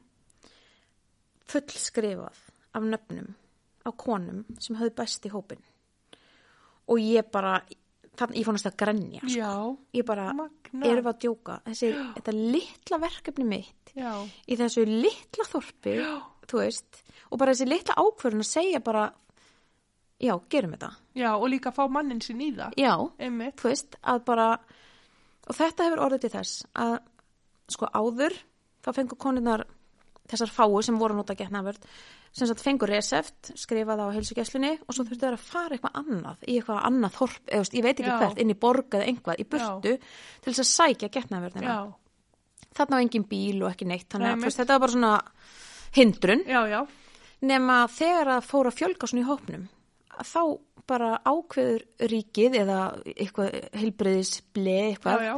að nú sé bara komin tíminn til að í kúbunni geti allir fengið bara hérna getnaverðinar þar gegg, já, Já. Þannig að hérna, en ég hef líka verið vitnaði að konur koma hana á bakvið manni sinn já, og eru, þú veist, ég, hann Úsmann til dæmis kallaði mig inn á skrifstofunni sína einu sinni og þá var það gert inn á skrifstofunni hans, ekki bara inn á læknastofunni Mhm. já, já, og hann var að sprauta hana sem sagt í upphandlingin já, en það mátt náttúrulega enginn sjá engi það sjá það. og enginn vita. Já, Þannig að eins og ég segi, þetta sko litla verkefni já, og bara að ég skuli ákveða þetta, bara ég, þú veist, sem, mér finnst ég vera nobody, eða Mhm. já, svona já, skiluru, þú veist, einmitt, að- að bara svona ákveðum hvað hún getur gert rosalega mikið. Já, Þannig að ég er ótrúlega stolt að, stolt að þessu. já, þetta er bara geggjað. Já, algjörlega.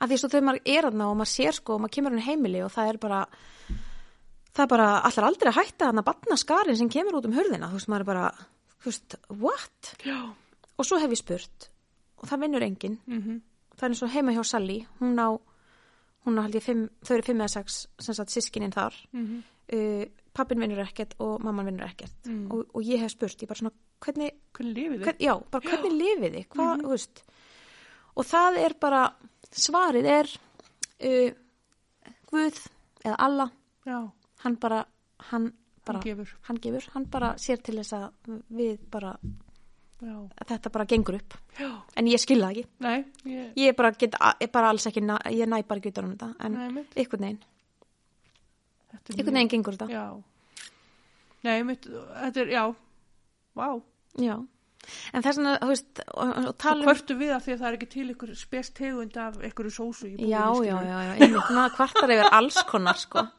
Það er bara, það er alveg þannig, sko. En þess vegna segi ég oft, og þetta er svona líka lærdómur, að, hérna,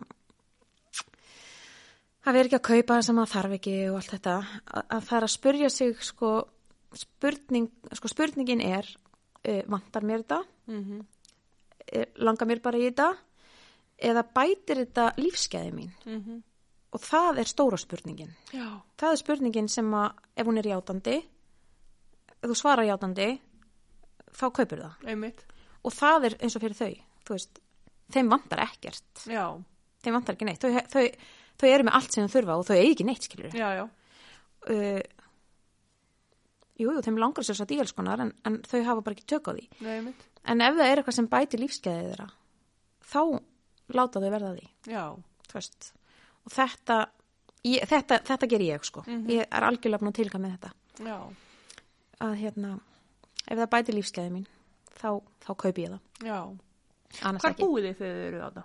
við erum bara inn í borg við sem Já. sagt fljúum já, við fljúum sem sagt Keflavík, Gattvík og við gistum þar bara inn á hóteli með þess að bara í terminalinu sem að við bara fljúum frá við förum aldrei út af flugullinum svo er þetta bara rosalega þægilegt svo er þetta bara sex tímar, þetta er bara eins og að fara á Teneríf Já, ok, uh, beint neðritir þannig að það er engin tímamunur ok, þannig að ég var bara fyrst bara Afrika er það að djóka, Já. bara ógeðslega langt og erfitt og já, bara eitthvað geðvegt eh, tímamunur og bara Jésús, svo bara nei, þetta er bara ekki, þetta er bara best þetta er, þetta er eiginlega bara Já, já. besta sem að, að, þú veist, hægt er að gera sko það er bara það er hérna Keflavík Gattvík, það er einn bíómynd mhm, og svo er þetta bara hana, það er að bíómyndin er yfir já, og hérna, og við semst, lendum í borginni, borgin heitir Banjul sem er bara höfuborgin í Gambíu Mhm. og við gistum semst, bara á hóteli þar já, e, við höfum ekki lagt í að gista inn í þorpi já, Daði þólir ekki pöttur Já. Þannig að- þú veist, það er hérna og svo er þetta bara það er meira en að segja það já, einmitt, þú veist, ég bara eins og ég legg valla í að sko en ég þarf að gera það næst, þú veist, það er bara til þess að fá að sjá klósett aðstöðu já, inn á heimili já, bara hvernig er þetta einmitt. Ég Þú ætla veist- einmitt að fara að spyrja, Já. þú veist, er rafmagn í fólkinu, er Nei. þetta klósettinn og Nei, allt þetta? já, veist? já, þú veist, ég hef Þetta er séð svo klósettinn sko. bara í skólanum og Já. það er, þetta er ógeð sko, já. bara lyktinn og Þetta er bara kamar þá bara? já, bara hóla í, ga- í sko, þú veist, í hérna, í jörðinni Já, oft, en stundum eru klósett en það Já. er alveg sama, það bara, það þrýfur enginn og þú veist, svo bara hitinn og, já, já. og þú veist, allt Lyktin og þetta allt þetta og þetta er bara, þetta er ógeðslegt sko Nei, þú veist, er frávita á svona aða? ég hugsa þetta sé bara svona, þú veist, guðum, guður, hvað heitir þetta svona tankar hana Já, bara svona, já, svona saptangar. Já. samt, ég, just, ég veit það ekki Hvað heitir þetta? Rú- Rótró, rótfræði? já. Ég hugsa þetta sé bara þannig, Já. en þó ég viti það ekki, Já, að hérna, já væntalega, þú veist, það er já, væntalega ekki. en þú veist, það er svona, Mhm. það er svona, svona sem maður setur svona pínu fyrir sig, sko, að hérna, Æ, maður vill bara geta að fara á klóstið. Ég veit, það er alveg, ég er um og ég það hef, sko. já, ég, þú veist, ég hef orðið veik, sko, við höfum bæði orðið veik, ég, hef Já. bara, ég fengi matareitrun og það hefur fengið matareitrun Já, og þá er bara svolítið gott að vera bara, á hótelinu. Á hótelinu, sko. Algjörlega. það er, en kannski á einhverjum tímapunkti, við eigum okkur náttúrulega draum, það er að byggja bara inn í þorpi, Já, það er bara að byggja okkar eigið já, já, inn í þorpi og hérna, og þá náttúrulega gerir maður það bara eins og maður vill hafa það, já, einmitt. það væri náttúrulega bara frábært. Já, að þetta er alveg pínu svona að það fara alltaf tveir tímar á dag í að ferðast. Já. Við erum í klukkutíma síðan að keira inn í þorp einmitt. og vegurinn er bara, þú veist, einhvern veginn. Já, já. Það er bara alveg, það er alveg hérna, getur verið sjóriða næstuði eftir það Já, og svo tveir tíma tilbaka, nei, klukkutíma tilbaka og við erum alltaf að keira tilbaka þegar komið myrkur já, og svona, svolítið svona, óþægilegt bara. já, og það er rosa, eftir daginn er rosalega mikil mengun í loftinu. Mm. Ég er yfirleitt alltaf með hausverk til dæmis þegar við erum að keira tilbaka. Já, bara, já, mengunin er svo mikil og hitinn og, og allt þetta þannig að hérna já, það væri frábært ef maður bara ætti sitt eigið inn í þorpi, sko já, algjörlega. Nei, þetta er alveg, þetta er alveg ótrúlegt. þetta er ótrúlegt, Bara að ná haustum utan. ég veit það, sko ég, og ég næ ekki sjálf alveg, sko, utan um þetta en Já, þetta, já þetta er svona eitthvað sem að maður fær upp í hendunar og maður segir já og það verður bara að eitthvað svona já, sem að maður gat aldrei ímynda sér nei, mitt, bara lítið kott sem að bara stekka Já. og stekka og stekka. Já, og eins og ég segi þetta eftir að hafa opnað búðina og allt þetta fólk sem er að hjálpa mér og bara, þú veist, wow, þú veist, Mm. ég bara, ég get, ekki- ég, bara, ég get ekki sagt nóg mikið takk við þetta fólk og, og Einmitt. allt þetta, þú veist, Mm. Já. af því þetta væri ekki allt þetta ef að- ef það væri ekki fyrir þetta, alla þessa, aðila. Einmitt, Algjörlega.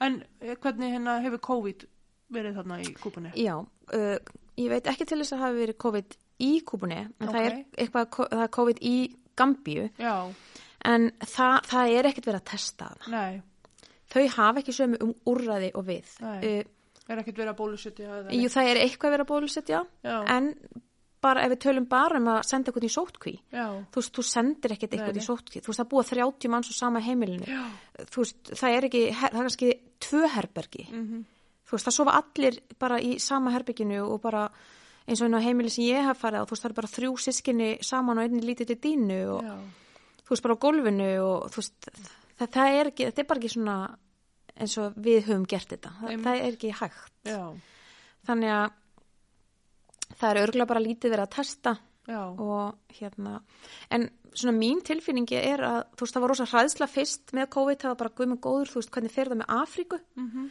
en uh, það hefur, varð einhvern veginn ekki þannig, allavega er það mín upplifun já, þú veist Já. að minnst maður ekki hafa hýrta í fréttunum að því þetta var svo mikið fyrst einmitt, og og ekki af því sem ég heyri og sé frá Gambíu heldur þannig að ég til dæmis kifti það það var náttúrulega voru allir í paniki hérna fyrst Mhm. og þannig að Úsmann strákurinn á helsugjastinni hann hafði samband við mig og spurði hvort ég gæti kift fyrir þau þau eru með svona bláar svona eins og sildartunnur Já. svona plasttunnur já, ég kefti fullt af svoleiðist tunnum fyrir þau og svo var sett sem sagt krani á þetta og þetta var sett svona á helstu staðina sem að voru svona mannamót já, í þorpinu já, og uh, þannig að fólk geti þau í sér já, og sápa og, Já, og svona þannig að við keftum þetta og, og það var líka algjör grís að í gamnum sem að fór út að þá var ótrúlega mikið að buffum já, já og við, ég gat, þau vissi ekki hvað þetta gera, þau hafði aldrei séð þetta, Nei, vissi ekki hvað þetta var og ég við þurftum að kenna krökkunum bara hvernig þú ættu að setja þetta á hausinu á Já, sér já. og eitthvað þú veist, þau, þau bara hvað, já þau tóku þetta bara svona út, Já, þú veist, hvað er þetta þau eiginlega? tóku ekki, sem sagt, opnuðu ekki gatið, Já, já. þú veist, þau tóku þetta bara svona út svona, eins og eitthvað svona bleðil og svo bara settu þetta svoleiðis á hausin, þau var svo ekkert hvað þetta gera við þetta. Þannig að ég gætt sínt þeim, þú veist, að setja þetta yfir munnin, skilur ég, Já. þannig að þau gætu nota þetta sem, þú veist, gr- grímu eða, Já. eða svoleiðis. Og já, en svo bara, já, ég veit ekki til þess að neitt hafi verið. Hérna. En þau testa á heilsugæslinni Mhm. en hann segir mér að það hafi ekkert komið upp sko. já, ok, það er bara, En sjálfsagt hefur einhver verið smittar, það bara já, veit það já, enginn. Já, já, Það er bara þannig. hefur greinlega ekkert orðið ykkur svona brjólega faraldur Nei, á þeim, sko. nei, ekki þannig. En það hefur náttúrulega verið, ég las, þannig að mér segja íslensk kona sem að var að rannsaka Mhm. lif sem er gefið mikið í Afriku við sem sagt, sníkjudýri, mm -hmm.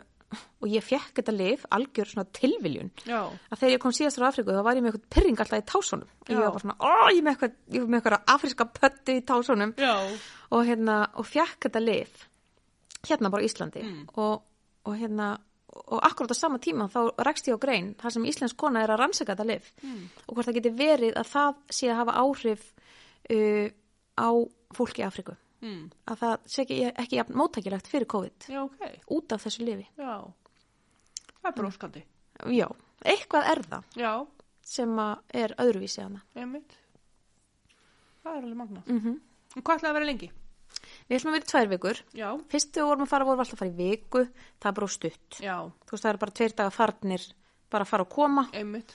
þannig að við ætlum að vera tvær vikur núna og uh, draumurinn er sunnuminni langar alltaf að fara og vera í svona 2-3 mánuði Já, sem að væri náttúrulega rosalega gaman en þá þarf maður bara að hafa eitthvað að gera já, ég, þú veist, ég vil ekki vera og ég nenni ekki að vera að fara einhvern veginn og hafa ekkert að gera einmitt. það þarf bara að vera eitthvað svona þá þurfum við að vera að stefna að einhverju Já, hvort sem verður bara að byggja okkur hús eða já, eða, og við stefnum að því, það er alveg eitthvað klárlega sem við ætlum að gera og það er að sem sagt, byggja uh, fæðingadeild mm. við heilsugjæsluna. já, Eins og staðan er núna þá erum við ekki með neina ljósmóðir uh, og þar að leiðandi má ekki fæða í þorpinu. já, Þær voru að hérna, fæða uh, og bara með svona, æ, það er bara kemur eitthvað svona gömul kona þú Já. veist, svona, svolítið svona galdra eitthvað Já, já. dæmi sko og aðstóðar og eitthvað og nema að í eitt skipti þá sem sagt er patt fæðist og það er sett upp á borð og það datt nýr á golf ó, og það dó, æ, já og, og upp frá því var bara bannað, Já. það er bara bannaðar fæðingar þarna ok. og uh, og þetta hefur sem sagt bara, já, núna eru konur annarkort að eiga heima Mhm.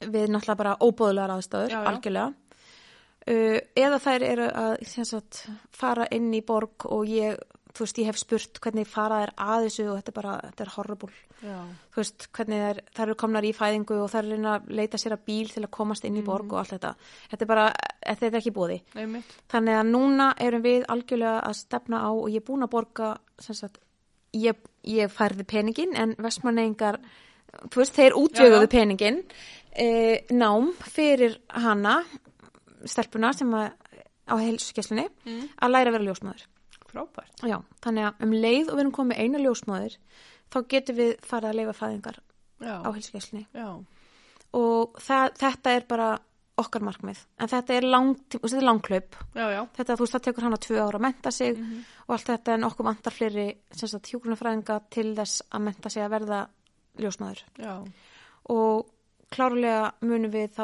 ef við, hö- ef við náum þessu þá munum við klárlega sem sagt, byggja bara fæðingadeild og hafa það bara algjörlega annað rými já, uh, og þú veist svona draumurinn er pínu að þú veist að kúpunni geti orðið bara svona, svolítið svona fæðinga þjónusta fyrir þorpinni í kring já, það væri bara, það er frábært. já Er þetta stór heil, heilsugesla? nei, nei, nei, nei, nei, Nei. þetta er bara smá, þú veist, en þetta er alveg steift hús Já, já. og og allt svoleiðis, uh, það er verönd úti sem að hérna, við- þar sem við erum alltaf með fræðsluna fyrir konunnar og stúlkunar en eh, það er til dæmis eitthvað sem daði vil til dæmis laga, þú veist, þetta er bara svona tré, svona þak yfir Mhm. með bárjáni þú veist, það er bara eitthvað termítar eða eitthvað pöttur eða eitthvað Já. búin að geta allt timbrið, Einmitt. þú veist, þannig að við þurfum að fara í að laga það Já, og eitthvað svona þannig að það er alltaf eitthvað sem týnist til ég var til dæmis að byggja Ósmann bara um að gera svona viðhaldslista fyrir mig já, þannig að það væri gaman þegar við förum núna í februar mm kannski getum við bara málað eitthvað eða Já, já. gert eitthvað eða, Já. eða eitthvað maður er svona kannski hægt að virka kallana í það. í það þorpinu. gæti verið sniðugt reyna að fá þá upp á stólnum Já. og gera eitthvað Grilla pulsur hann daginn Einmitt, nákvæmlega þannig að hérna já, það er ótrúlega margt hægt að gera en það þarf að vera skinsamlegt Einmitt, og þetta verður einhvern veginn svona flóknar þegar maður er komin svona djúft inn í samfélagið mm, og djúft inn í verkefnið þú veist, þá verður þetta alltaf einhvern veginn, þetta er ekki jafn einfalt eins og- eins og það einhvern veginn bara hljómar já, Einmitt. við bara gerum þetta og gerum hitt og þú veist, þetta er ekkert mál og okkur lalala. já, en þetta er bara ekki þannig, það er eins og þetta að senda bara fött út Já. Hvað, ég meina, það vantur öllum fött já, já. en Það Það er bara ekki svoleiðis. lausnin. Nei, það Nei er og sérstaklega ekki eftir maður sá hérna fréttinar hvernig þetta er orðið. einmitt fyrir utan það. Þetta er bara hræðilegt. Og að því þú kemur nú að því að þá bara sá ég þetta sjálf Mm. þegar við vorum úti síðast. Þá það var svona tún, samt inn í borg, Mhm. sem við keilum alltaf fram hjá þá við vorum að fara inn í Þorp og koma náttúrulega tilbaka. Og það var bara vörubíl, svona eins og við þekktum frá því gamla dag, því við vorum að tala um gamla dag, svona Já. vörubíl með svona e, trói sem svona liftist Já, þú veist og hérna, hann var bara fullur af fötum og hann styrtar bara fötunum hann út á tún og í einhverja daga er fólk að fara þarna og fá sér föt svo bara á einhverjum tímpunkti þá bara hættir það já, já, og svo er þessi haugur bara þarna með mitt. þú veist, ég, sko það var búið að segja mér það en ég bara trúðus ekki en, Nei. en svo sá ég þetta bara og ég bara, nei, þetta, þetta er bara, þetta er ekki fallegt sko Þetta er bara hræðilegt. Já, bara, þetta er bara ekki fallegt að gera þetta bæði, þú veist, að láta fólk vera þarna rótandi í, sem sagt, að fá sér föt Einmitt. og einhvern veginn að skilja þau eftir Afrika er bara ruslahaugar fyrir okkur Algjörlega. það er bara þannig, það er ljótt og leðilt að segja það en það er, það er bara orðið staðreyndin. Já, það er staðrind og þegar við erum að keira þannig inn í borg að þá eru bara meðfram öllum vegum eru bara handóniti bílar Já, þú veist, þarna enda bara allir bílar sem eru bara Já, rust bara- Já. og þeir eru bara þarna meðfram öllum göttum og út um allt og... þannig að þarna kemur hann að væna græna þóra Já. skilur. Æ, þú veist, þegar maður er búin að sjá þessa hluti og þú veist, fólk er bara, ég veit að fólk heldur stundum að ég sé alveg farin, sko en það verður bara að hafa það já, já, ég er bara, bara að sjá þetta já. og ég hef bara orðið vitni af svona hlutum og, og ég get gert betur og Mhm. ég bara fyrir sjálfa mig geri betur ef alveg, aðrir vilja ekki gera betur þá, þá er það bara þeirra val Já, já, Þú veist, algjörlega. hver velur fyrir sig þannig að það er bara Já. það, það er svona Já. En hvernig líður grænu vænu Þóru þegar hún er að keira hann í gegn? þetta er sko, þetta er ótrúlega erfitt þú veist, þetta er svo, æ, þetta er svo eitthvað ömur Já, þetta er bara svona þú veist, ég fæ yfirleitt lít í hjartað en þarna fær maður svolítið bara svona illt í Já. hjartað þú veist, þetta er bara svona við erum bara að dömpa þarna einhverju drastli þetta verður bara einhvern veginn svona þeirra vandamál þau hafa enga, þú veist þau hafa ekkert, e- engin úræði, nei, sko. það er engin úrræði fyrir þau en það er rosa gott hjá okkur bara að henda, þú veist, Já. að- bara að dömpa drastlinu okkar þarna og, og þau bara sjáum þetta Mm. þú veist, og þetta sé ég sko og Það eru mitt eitthvað fata haugur sem að er sko bara alveg hjöjút, bara ristór, Já. ekki segja, reyna að vera að vanda mig í Já, íslenskunni. og, og hérna, og það kveikna í honum já, og þau eru bara í vandræðum af því að hann bara brennur já, já, ég veit að þetta er bara og þetta, er bara, rosalegt. og þetta er sko bara fötu úr vestlunum sko. Já, ég veit það og ég er að sjá þetta rosalega mikið í kúpunni. Ég er að fá eins og mikið af fötum með miðanum. Já, Uh, sko, það er þessi netveslun. mm Það er allir að panta á netinu. Já. Þú mátar ekki. já, Þú, nærði, þú fer ekki að koma við fötum. Það er, alltaf Einmitt. verið að, það er oft verið að svona pikki okkur konu til þess að káfu og öllu. já, já, Já, káfum á já fötunum. það er til Komum þess að við þetta. Skoða gæðin sko. Já, þú veist, get ég hugsað mér að vera í þessu Þú veist, Einmitt. ég geri það ekki þegar ég kaupi eitthvað á netinu ég máta það ekki og allt þetta einu sinni fekk ég einn póka e, svartu plastpóki hann var, hann var hálfullur af sem sagt, fötum með miðanum og það var sem sagt, sama flíkin í öllum stærðum talandi um að einhver hefur pantað sér á netinu Mhm. hann sá eitthvað já, já, Uh, vissi ekkert hvað stærðan þurfti svo hann pantaði bara alla stærðina já, þú veist, já, já, þarna fæ ég illt í hjarta já, og við þurfum bara aðeins að vanda okkur betur Já. Þú veist, það er hérna m- við þurfum að við þurfum aðeins að hugsa þetta til enda já, Þú veist, algjörlega. ég bara þurfum við þetta allt já, ég veit að öllum langar í allt já, já. en að ég bökkum bara aðeins Já, ég er alveg þar sko Já. ég, ég held að við þurfum eiginlega að bakka svolítið langt Já. sko og svo náttúrulega bara hrikalegt sko hvað við látum stjórnast Mhm. og ég ætla ekki að segja við að því ég læta ekki stjórnast ég, ég gerði það Já, en ég er bara talandi um að þroskast að ég er bara komin eitthvað, þú veist, ég er komin að okkur svona punkti bara þroskapunkti þar sem að ég læti ekki stjórnast, ég læti ekki eitthvað segja mér að ég er að kaupa eitthvað að vori mm að því það er komið í tísku já, og ég læti ekki sama fyrirtæki eða aðila að segja mér að ég er að kaupa frá honum eitthvað annað í, í haust í haust að því þá er bara komið eitthvað annað Einmitt. ég, þetta er bara þvæla sko. Já, þannig að hérna en uh, fólk tekur þátt já, og það er það eru við, Mhm. neytendunir við, við höfum sko, við höfum fulla stjórn já við getum sko stíðinni fætunum og sagt bara nei, hingað ekki lengra. einmitt. Þú veist, af því það eru við, sko, framlegandinn þurfa á okkur að halda. Já, já. Þannig að ef við séum nei, Já, að þá þarf framlegandinn að bregðast við því. já. Svo bara því miður þá bara eru, veist, það eru svo mikið græðki í stóru fyrirtækjunum. Já. Fyrst mér orðið. Já, Múst, hugsunin er svolítið bara horfin. já, algjörlega. Þannig að Allan að mínu sjónum. Já, já, en þú veist, við þurfum aðeins að taka okkur taki, þú veist, ég, bara þetta getur bara ekki verið svona enn, Nei. fyrir mína parta, Einmitt. sumum finnst þetta bara ekkert mál, þetta kemur ekki, það eru margir sem að bara þetta snertir ekki fólk, Nei, en þetta snertir mig já.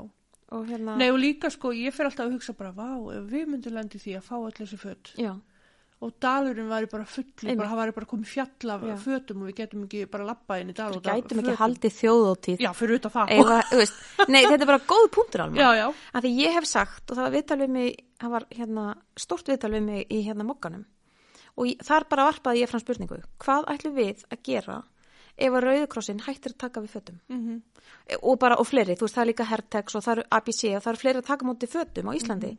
en hvað ætlum við að gera ef þetta stoppar já, og einhverjum tímabúti hlýtur þetta að stoppa mm -hmm. af því, þú veist, við getum ekki kaffært Afríku eða hverjum sem er og, í- og þeir, eru- þeir eru bara að kalla og hjálpa að láta stoppa, sko. Já, þannig að hvað ætlum við þá að gera? Já. Hvað ætlum þú að gera við svörta plassbókuna sem þú fer núna annarkvort með í kúpunni eða í, mm Mhm. -hmm. í rauðakrossin? Hefur samvisku í að henda þeim bara? Einmitt. Hefur samvisku í að fara með þeim í, bara í, með þá í sorpu og Já. henda fötuninum? En hvað ræddaðu þar?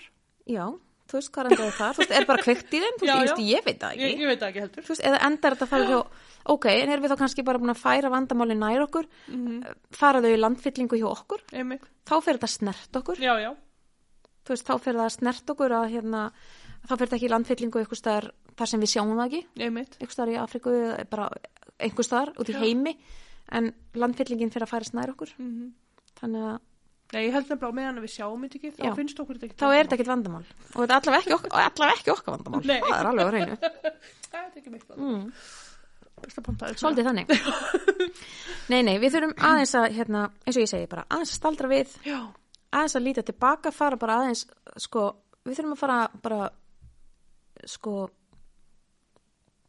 næjusemi mm það er eitthvað sem við þurfum bara að taka aðeins upp aftur algjörlega.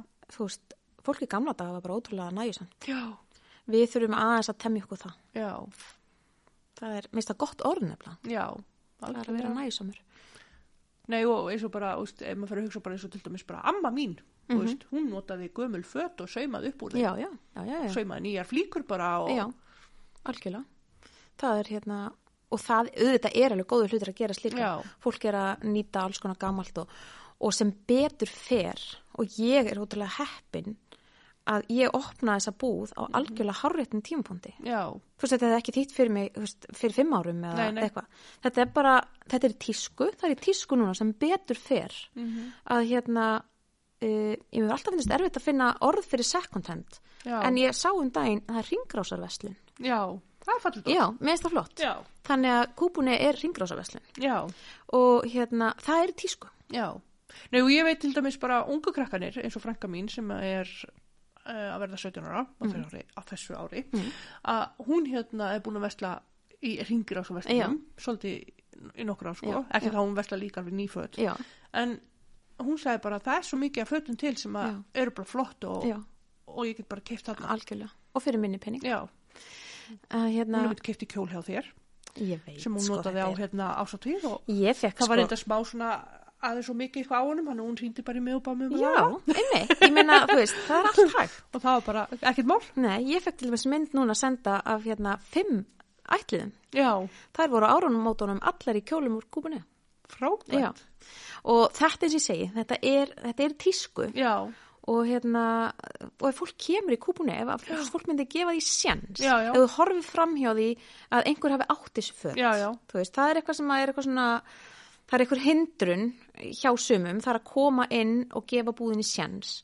En sko, hún Stína sem gaf mér kjólinn, Mhm. hún gaf mér kjólinn að því hún vill að einhver annar nota. hann. einmitt Þú veist, fólk Algjörlega. væri ekki að koma með föt nema því það vill já, koma því áfram í umferð. einmitt Þannig að hérna, já, og bara líka styrkja gott málum Mm. já, algjörlega, þú veist, það, þú ert í rauninni að gera tvent og það er það sem að ég elska við það sem ég er að gera. Ég er að, algjörlega að sinna tveimur ástriðum. Þú veist, það er náttúrulega að láta gott að mig leiða með hjálp, þú veist, allra og náttúrulega að vera umhverfisvæn Já, og hjálpa. Ég er náttúrulega líka að gefa fólki tækifæri á því að, að vera umhverfisvæn og, Einmitt. og kaupa notað. já, Notað og ekki notað af því að það er svo mikið með miðan. já, já, algjörlega. Þannig að það er svo mikið nýtt. Já, það er alveg fáralegt sko. Já, Og náttúrulega á ég er náttúrulega líka svo, þú veist, það er með svona Linda heitin í smart. mm.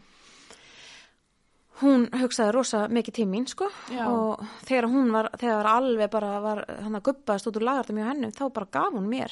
já, Þú veist, hún bara, ég, þú veist, ég hef bara ekki pláss fyrir þetta allt hérna, þú mátt bara eiga þetta. já, Og núna þegar þeir feðgarnir voru að tæma út úr vesluninni, þá, Já. þá fekk ég bara fullt frá þeim, sko. já, og það var bara þetta hún, og það, ég gleymi ekki, ég var að tala við hann og ég var að segja henni frá hvað ég væri að gera þú veist, hún var eiginlega hálfarn að gráta bara já, þú veist, yfir bara verkefninu Einmitt. og um hvað verkefni snýst já. sko.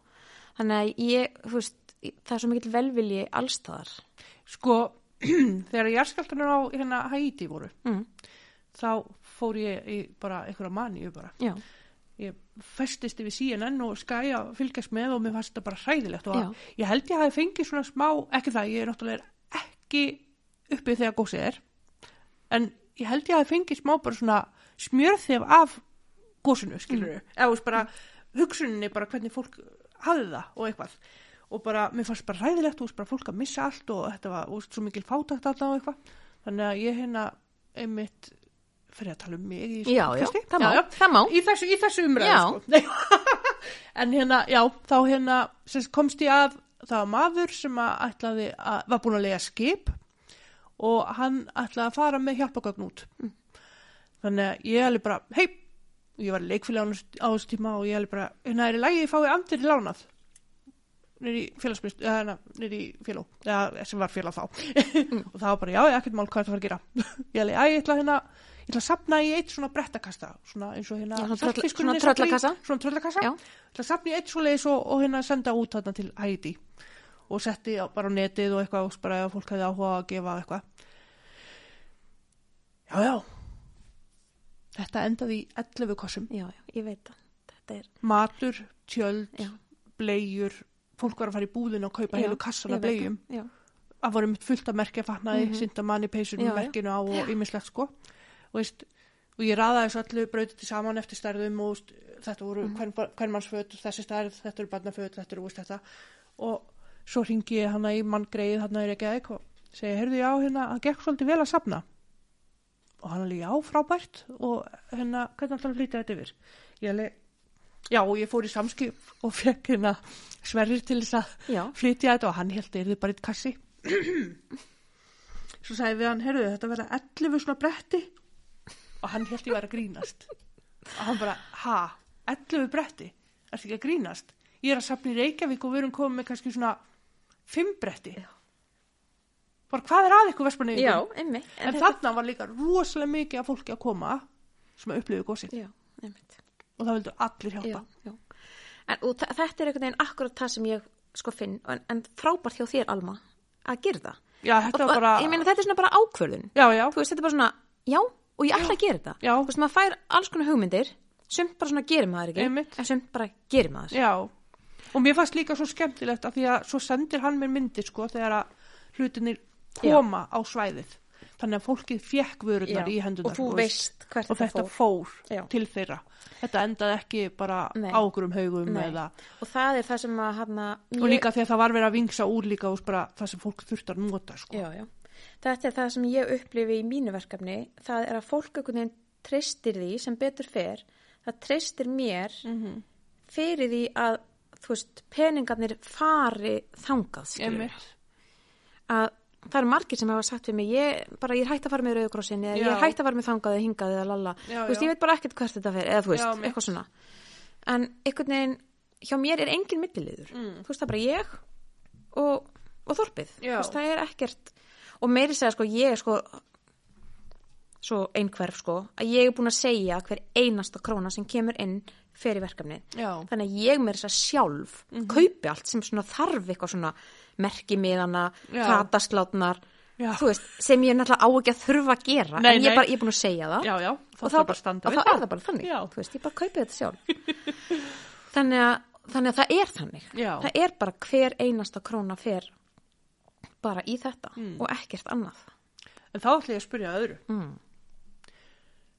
Borgaðir þú þá bara viðgerina og, og allt í húsið? á húsið, já við sem sagt kaupum húsið hand á nýtt Já, og já, ég, það borguðu við bara sjálf við eigum bara þetta hús já, og það er, ok, þetta er hluti af okkar Já, já. framlægi Já, já. bara, við eigum húsið uh, ég borga sjálf ramagn, uh, internet hita, Já. ég borga þetta sjálf þetta færi, bara, færi aldrei af peningum sem kom inn í búðina einmitt. þannig að hérna, já það er okkar framlag Þetta er og alveg vinnan. magnað. Og þið grættuðu auka hæð, heyrði ég. já, við grætum kjallara Já, já hvernig kom það til? Oh, hann Oliver minn, hann, hann er svona pínu þver.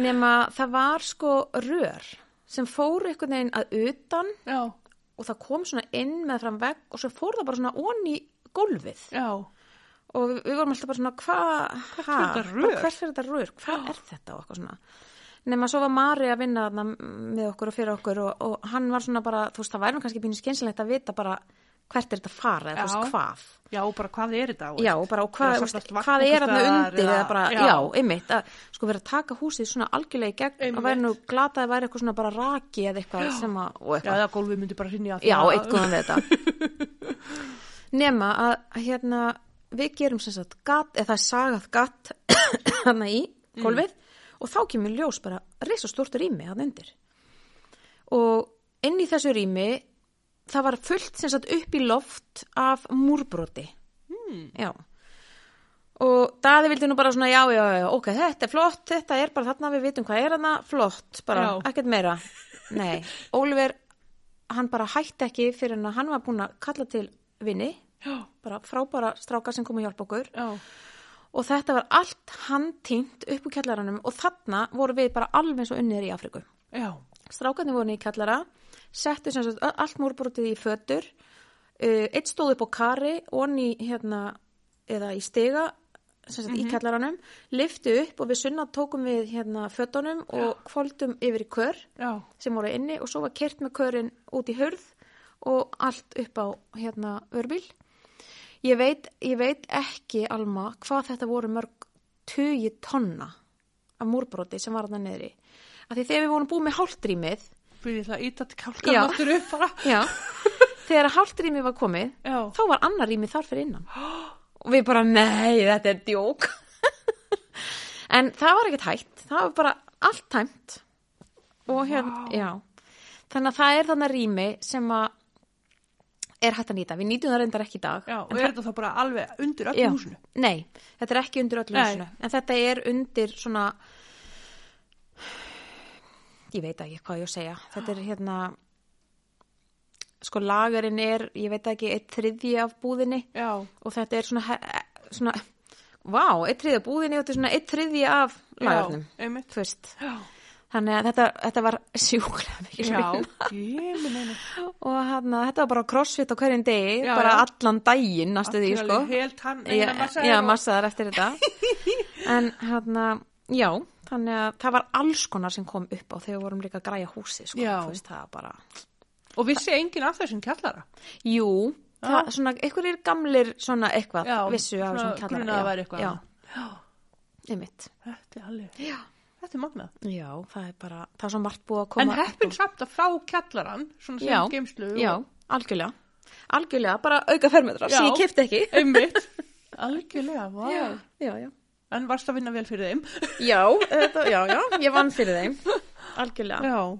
Nei, þið er alveg hróskilið. Já, takk fyrir það Við hérna Þetta er búið að, vera, eins og ég segi, enn og aftur Þetta er búið að vera sjúklega mikil vinna Já. Egið þið efri hæðina líka? eða Nei, er hún- við eigum ekki efri hennar Nei. Það eru bara krakkar sem eiga heima uppi sem Já, að við vorum bara í rosalega nánu svona sambandi við þau af því að við tókum náttúrulega allt húsið í gegn einmitt. það var búið að leka inn hjá þeim alveg lengi þannig að Já. þau voru búið fegin að Já. hérna, við bara ákvaðum að taka bara húsið algjörlega í nefið Einmitt. þannig að við gerum þetta bara alls saman Já, þetta er komin tími til.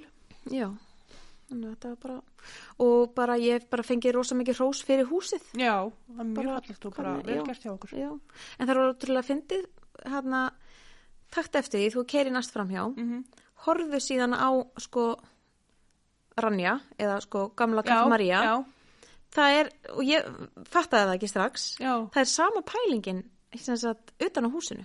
já, ok. Það er bara að því það er mála svona einhvern veginn, ég man ekki hvítið Já. eða einhvern veginn blótt eða eitthvað, ég maður ekki, Já, að þá er svona eins og steina pæling. já, ok. Já. Og þegar einhvern tímann ég fór hann að hinum með göttunum var að dásta húsinu Já, og já, ég bara svona, ó, bara, bara, ó, hvað það er flott í mér. Og fór ég eitthvað að horfa á húsið við liðina, ég bara, já, sæll. Það er bara sama pæling, sko. Fyndi. Já, það var ótrúlegt. Já. En þetta var bara eitthvað mynd sem ég sá á Pinterest, skilur Já, já. ég, og saði bara við litona sem maður er að vinna hjá okkur, ég bara svona, mér langar í svona, Já, og hérna, þeir bara masteruðu það, sko. já, magnað. En ég hef líka fengið rosa hrós fyrir búðina inni Já. og mér segi sumar kom maður inn í búð og konuna sá bara eitthvað að skoða að eitthvað maður hún að landi, bara Íslendingur og hann sat hann í sófanum hellingi og var rosa mikið eitthvað að spá og spjökleira og ég var bara svona, vá, hvað voru voru hann eitthvað að spá, yfirleitt sest fólk bara eitthvað í síman Já, eða já. svona mennirnir Já, skilur já. nema svo fyrir hann eitthvað voða mikið að spurja mig út í þetta allt og eitthvað hver hanna þetta og eitthvað og ég bara bara ég sko, bara svona eitthvað Pinterest og, Já. og bara eitthvað svona í mér, eitthvað svona sem ég langaði og, og hann langaði alltaf að hafa svona steipu veggi, alltaf alveg hörð á því en ég vildi hafa samt svona mjúkt og Já. hlýtt og, og næ því inn með svona viðnum og þetta og hann bara já, bara þetta er alveg, bara hann átti ekki orð þá var þetta bara eitthvað ægilegur hérna hönnur og arkitekt og ég er alltaf alveg sjúklaða mantinn Já, algjörlega. Bara ykkur amatöru á bíl. Já, einmitt. Þannig að hérna, mér er rósað ótrúlega mikið Já. og það er rosa gott líka. Já, það er bara einnislega. Já, Það er gott líka að fá smá klapp á bakið. já, já, það er alveg bara, það er mjög gott sko. Já, En hérna, en svo hefur líka alls konar komið upp á sko, þú maður síðan kannski ekki að tala um eitthvað leiðindi, en Nei, nei. hérna að, svo, ég fekk, sem sagt, greindist með krabba minn í andliti. nei. Jú. Bara í ágústu eitthvað, var, mér hérna, var alltaf hérna með reisastóra bólu hérna fyrir maður vorina Já. og ég, fyrir mér var þetta bara svona, ég sagði alltaf við liðið mitt, þetta er svona nanni makfíbóla, þeir eru svo ógíslega óþekk og leðilega Já. og hún fer ekki. Já, Og hérna, jú, jú, þá var þetta bara krabba minn, sem sagt, grunnfrum að krabba minn, nei. sem að bara, ég var ekkert að nenna, skilur, Nei, nei. ég var bara í Engan öðru, tíma fyrir það. engan tíma fyrir þetta. Já, En það var nú samt bara að klára það, þannig að ég þurfti að fara að láta skera það og eitthvað, en, en þurfti ekkert meira. já, En þetta er svona, kemur svona pínu sjokk já, algjörlega. inn í hérna, inn í alla gleðina. Einmitt. Maður, En- en, svolítið, maður er bara slegin. Já, pínuslegin sko. Já. En hérna, það er bara búið mál og, Já. og allt svo leis. Var þetta góðkynna þá eða? Já, þetta var hérna bara, já, þetta er eitthvað svona sem á að vera, mér er sagt svona tengt svona sólinni og þetta er svona Mm. eitthvað húðkrabba minn sko Já, og er algengt. já, svo sortaækslu þá eða? Nei, Eh, ekki sortu nei. axli er sem sagt, Já, það er kannski illkynja. það er Já. illkynja og er Já. verra sko.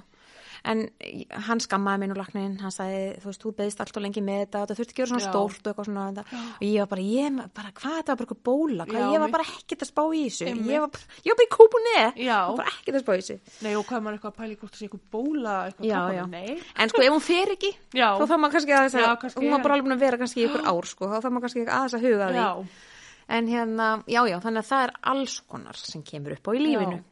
Og eru þá engin eftirkosti? eða- Nei, eða- ekki neitt, Engin nei. eftir meðferðin? Ekki neitt. Nei, Æ, hvað það er nú gott? Já, það er Já, gott. 7, 9, 13. Já, en maður verður líka að segja frá, þú veist, það er ekki alltaf bara gleði Nei. og, og hérna, Það komur nefnilega líka smá Já. regningadrópa, sko. já, það er nefnilega, og það er þannig hjá öllum. Já, Það e-, er, er ekki allir bara sem eiga svona, það er ekki alltaf allt frábært, þó að sé þannig á Facebook. já. Eða einhver stærnstæðar á einhverjum öðrum algjörlega. miðlum. Það er mitt, já, Facebook, það blekkir úslega. Já, það vil gera það. En hérna, já, magnað. En aftur á eigum, Já, finnst þér eitthvað ábútavant hérna? það er eitt sem mig vantar. Mm. Og þá er ég, nú er ég sjálfsæl, sko, Já, bara hvað er hugsa sjálf það? mig. Mér vantar kaffihús. Já, Ég fer í Eymundsson og mér finnst það bara alveg flott, bara fínt sko, en mér vantar hérna hvað ég segja, kósi heitin sem er í kúpunni, já, mér vantar það einhvern veginn, mér Já. vantar að geta sest einhvers staðar í eitthvað svona kósi, mósi, eitthvað. -hmm. Þetta er svona eina sem er mjög standaðin já, hérna. og ég er í því að reyna að hvetja fólk já, sem eru dúerar já, sem að er svona framkvæmda glatt fólk sem ég þekki, ég er í því að reyna að hvetja fólk til þess að hérna og benda því og húsnaði og allan Já. pakkan sko fyrir mér væri þetta þá bara fullkomið sko já, Já, ég segi eða sama. Já, Og svona, ég sé fyrir mig svona lítið rými með hérna það sem er hægt að vera ná í spil Já. og setjast niður og bara spila. sko við og hafa Þórun kósí. erum náttúrulega bara alveg Og sko, ertu með eitthvað húslega í huga? sko það er endar eitt sem vantar líka og við finnum það núna eins og í kúbunni Já. sko það vantar galleri þú veist það er alltaf búið að vera galleri mm Mhm. veist, getum við ekki bara samtvinnað þetta Já. getur ekki bara verið kaffihús og galleri saman Já. kaffihús kannski sko í vestmannegin kannski gengur illa eitthvað svona eitt og sér Mhm. og galleri gengur kannski illa eitt og sér Mhm. þannig að ef einhverjum leiðist og hefur ekkert að gera Já. þá er ég, þetta frábær hugmynd Já. svona heima galleri þú veist Já. og hérna og kaffihús og ymmit eitthvað svona spila, þú veist, búa til eitthvað svona kósi eitthvað, Mhm. Lítið, lítið svona já, hitting. já Já. ég, hérna, þetta er, þetta er geggjum hugmynd í okkur alveg Já, ég þarf að segja þér frá einni hugmynd sem ég með. Þið fá ekki Já, að vita, nákvæmlega. ekki strax allavega. Nei. En já, en það er hættulegt að segja mér, ég franga mér mjög oft já, ég er nefnilega líka svo leis. Ég fór á töru, já, reipsafari. já, einmitt Ég og himmi stóðum á brygginni. Æj, æj, gámurinn er alveg sprungin sem við erum með reipsafari í. Ég var að byggja hús, já. Hei, byggjum það hérna, ok, þá var tangin. Mm -hmm. Þannig að, Já, já. Það er En það, bara kemur, framkoma. en það kemur alltaf eitthvað gott út úr þessu. Ég meina, sérðu, hvað við erum heppin að, algjörlega, að ykkur datt þetta í hug. já. Þannig að, Já, en talandi um og ef enginn gerir ekki neitt, þá Nei, gerist nei, ekki neitt. Nákvæmlega. Og talandi um svona rugglaðar hugmyndir, sko. Og að framkvæma. Einu sinni var ég með grammetiskofa. Já, Já, og sko, rugglið í því er að ég borði ekki grammeti. það er mikið búið að hlæja að þessu. Bara, Þóra, akkur er þú með grammetiskofa? Þú borðir ekki grammeti. Og það var einmitt eitthvað svona, já, hei, bara við erum að græmið sko nýra á, hana, nýra á hérna, bryggju og bara og, eitthvað svona. og bara gerði það Já. og það gekk ógeðslega vel já, og var ógeðslega gaman og, en það var náttúrulega sjúklega mikil vinna Einmitt. ég þurfti að fara einu sinni tvisar í viku upp á land Já, fekk alltaf já. pikkan hjá pappa, fór í sveitinnar hérna bara Já. og Náði náði bara í grænmeti. náði græmiti og allt þetta og svo þurfti náttúrulega að vera í komanum Já, að vinna og allt þetta og, hvað, en Já. þetta, svona er þetta bara Já. svona gerist eitthvað En það væri alveg hægt að hafa, ég mynd, mér finnst mjög spennandi mynd, að sjá þess að litlu kofa, ég sá alveg Mhm. fyrir mig svona, svona hérna, eins og á sumri nú, veist, það væri bara svona, svolítið svona markastemning. Já, en það einhvern veginn virðist ekki, Nei, einhvern ekki virka. Nei, það er Ég veit eitthvað. ekki alveg sko hvað, hvað það er. Nei, sem En- endaði í gang. Já, en svo eins og núna, ég meina, núna er bara vestmennegar einhvern veginn komið á korti, skilur Já. við, og það er þessi frábæra landeigahöfn og, og þú veist, það er verið að stíla ferðir, þú veist, hingað og allt Einmitt. þetta, þannig að kannski, það, það má reyna aftur, Já, já, þú veist. algjörlega. Þó að ég ætla ekki að opna aftur græmið, sko. Nei, nei, það getur eitthvað annað gert það. Já, ok. já, Ég mynd á ekki börn og hérna, en ég brenn núna alveg fyrir því að, að gera hérna listasmiði fyrir börn. já, ummitt, Já, og krakka, þú veist, Já. bara úlinga og allt. já. Alma, þá Svona- gerir, þá svona gerir þarf það að- bara. Já, já, ég er Já. mynd á fullu að reyna að finna eitthvað út úr því. Já. en þú veist, þetta er svolítið fyndið hvað Já. maður bara svona dettur inn í eitthvað Já, já. þannig, já, En það er líka svo gaman þegar maður framkvæmir Já. og, og þú veist, og það hefnast. já, já En það er ekkert gaman þegar það hefnast ekki. nei, nei, og líka, veist, hlutinu þurfa ekkit endilega að snúast um mann sjálfan Nei, algjörlega ekki. Bara ef Mm, sko. maður getur gefið af Nei. sér. En þú veist, maður verður alltaf að prófa. Maður veit ekki nema bara að prófa. algjörlega Og, og ég segi líka alltaf bara, maður læri mest af mistökunum. mm. Það er bara, ef maður gerir ekki mistök, þá læri maður ekki neitt, ekki neitt, sko. Einmitt. algjörlega en já, finnstu það eina ábútavanda það Já, vandar ég, kaffihús? eins og ég sagði þarna Já. fyrst, sko, ég er svo eitthvað heimakær og já, ég þarf lo- rosa lítið, sko. já, Þannig að, hérna, ég, mér finnst frábært þessi bíó. já, ég er ekki nógu duglega að fara en þú veist, ég er alltaf bara svona, jæja nú þarf ég að fara í bíó, já, að ég vil hafa það já, já en þá þarf ég að sækja það einmitt, það er bara þannig þannig að mér er það frábært og ég vona svo innilega að það gangi já, þannig að mér er bara gaman að fara í bíó og með popp og eitthvað og já, hérna, já, bíó, kaffjús já það er bara, það er bara geggjart, það verður draumurinn já en erstu með ykkur hugmynd til þess að efla samfélagið í Vestmanniðum þjappa fólki saman eða eitthvað nei, svo sem ekki og ég Mm. veit bara ekki hvort það bara er bara eh, pínu erfitt Mhm. þú veist, á tímum tækni og, Mhm. og þetta alls saman þá bara en þú veist, þær voru til dæmis með auðvitað svona alls konar eitthvað hittingar og eitthvað, en þú Mhm. veist, það er svolítið svona takmarkað, þú veist kannski áhuga svið og eitthvað svona þær voru nú til dæmis með prjónahitting niður í kúbunni hjá mér, Já. eitthvað sem var ekkert á mínum vegum já, þú veist um, eh, það var vel sótt fyrst og eitthvað svona, svo held ég það nú aðeins eitthvað en það var kannski of ört, Já. en þú veist, það er bara eitthvað svona svona, eitthvað svona sem að mér finnst kannski að mætti, Já, þú veist, eitthvað svona sem að höfðar til áhuga einhverja mm skilur einmitt, en auðvitað er eitthvað svona í gangi já. Ég veit að það eru upp á bókasafni einhver já, framleitingur. já, einmitt en hérna ég veit ekki, ég held að sé rosa erfitt að að ég einhvern veginn að gera eitthvað svona og ná til eitthvað, eitthvað, eitthvað, eitthvað ná í eitthvað stóran hóp Einmitt.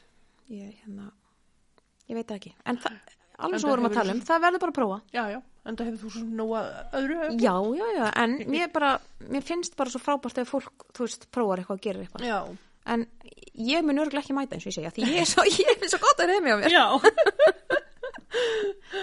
en hver er uppáhald staður þinn á æjónum?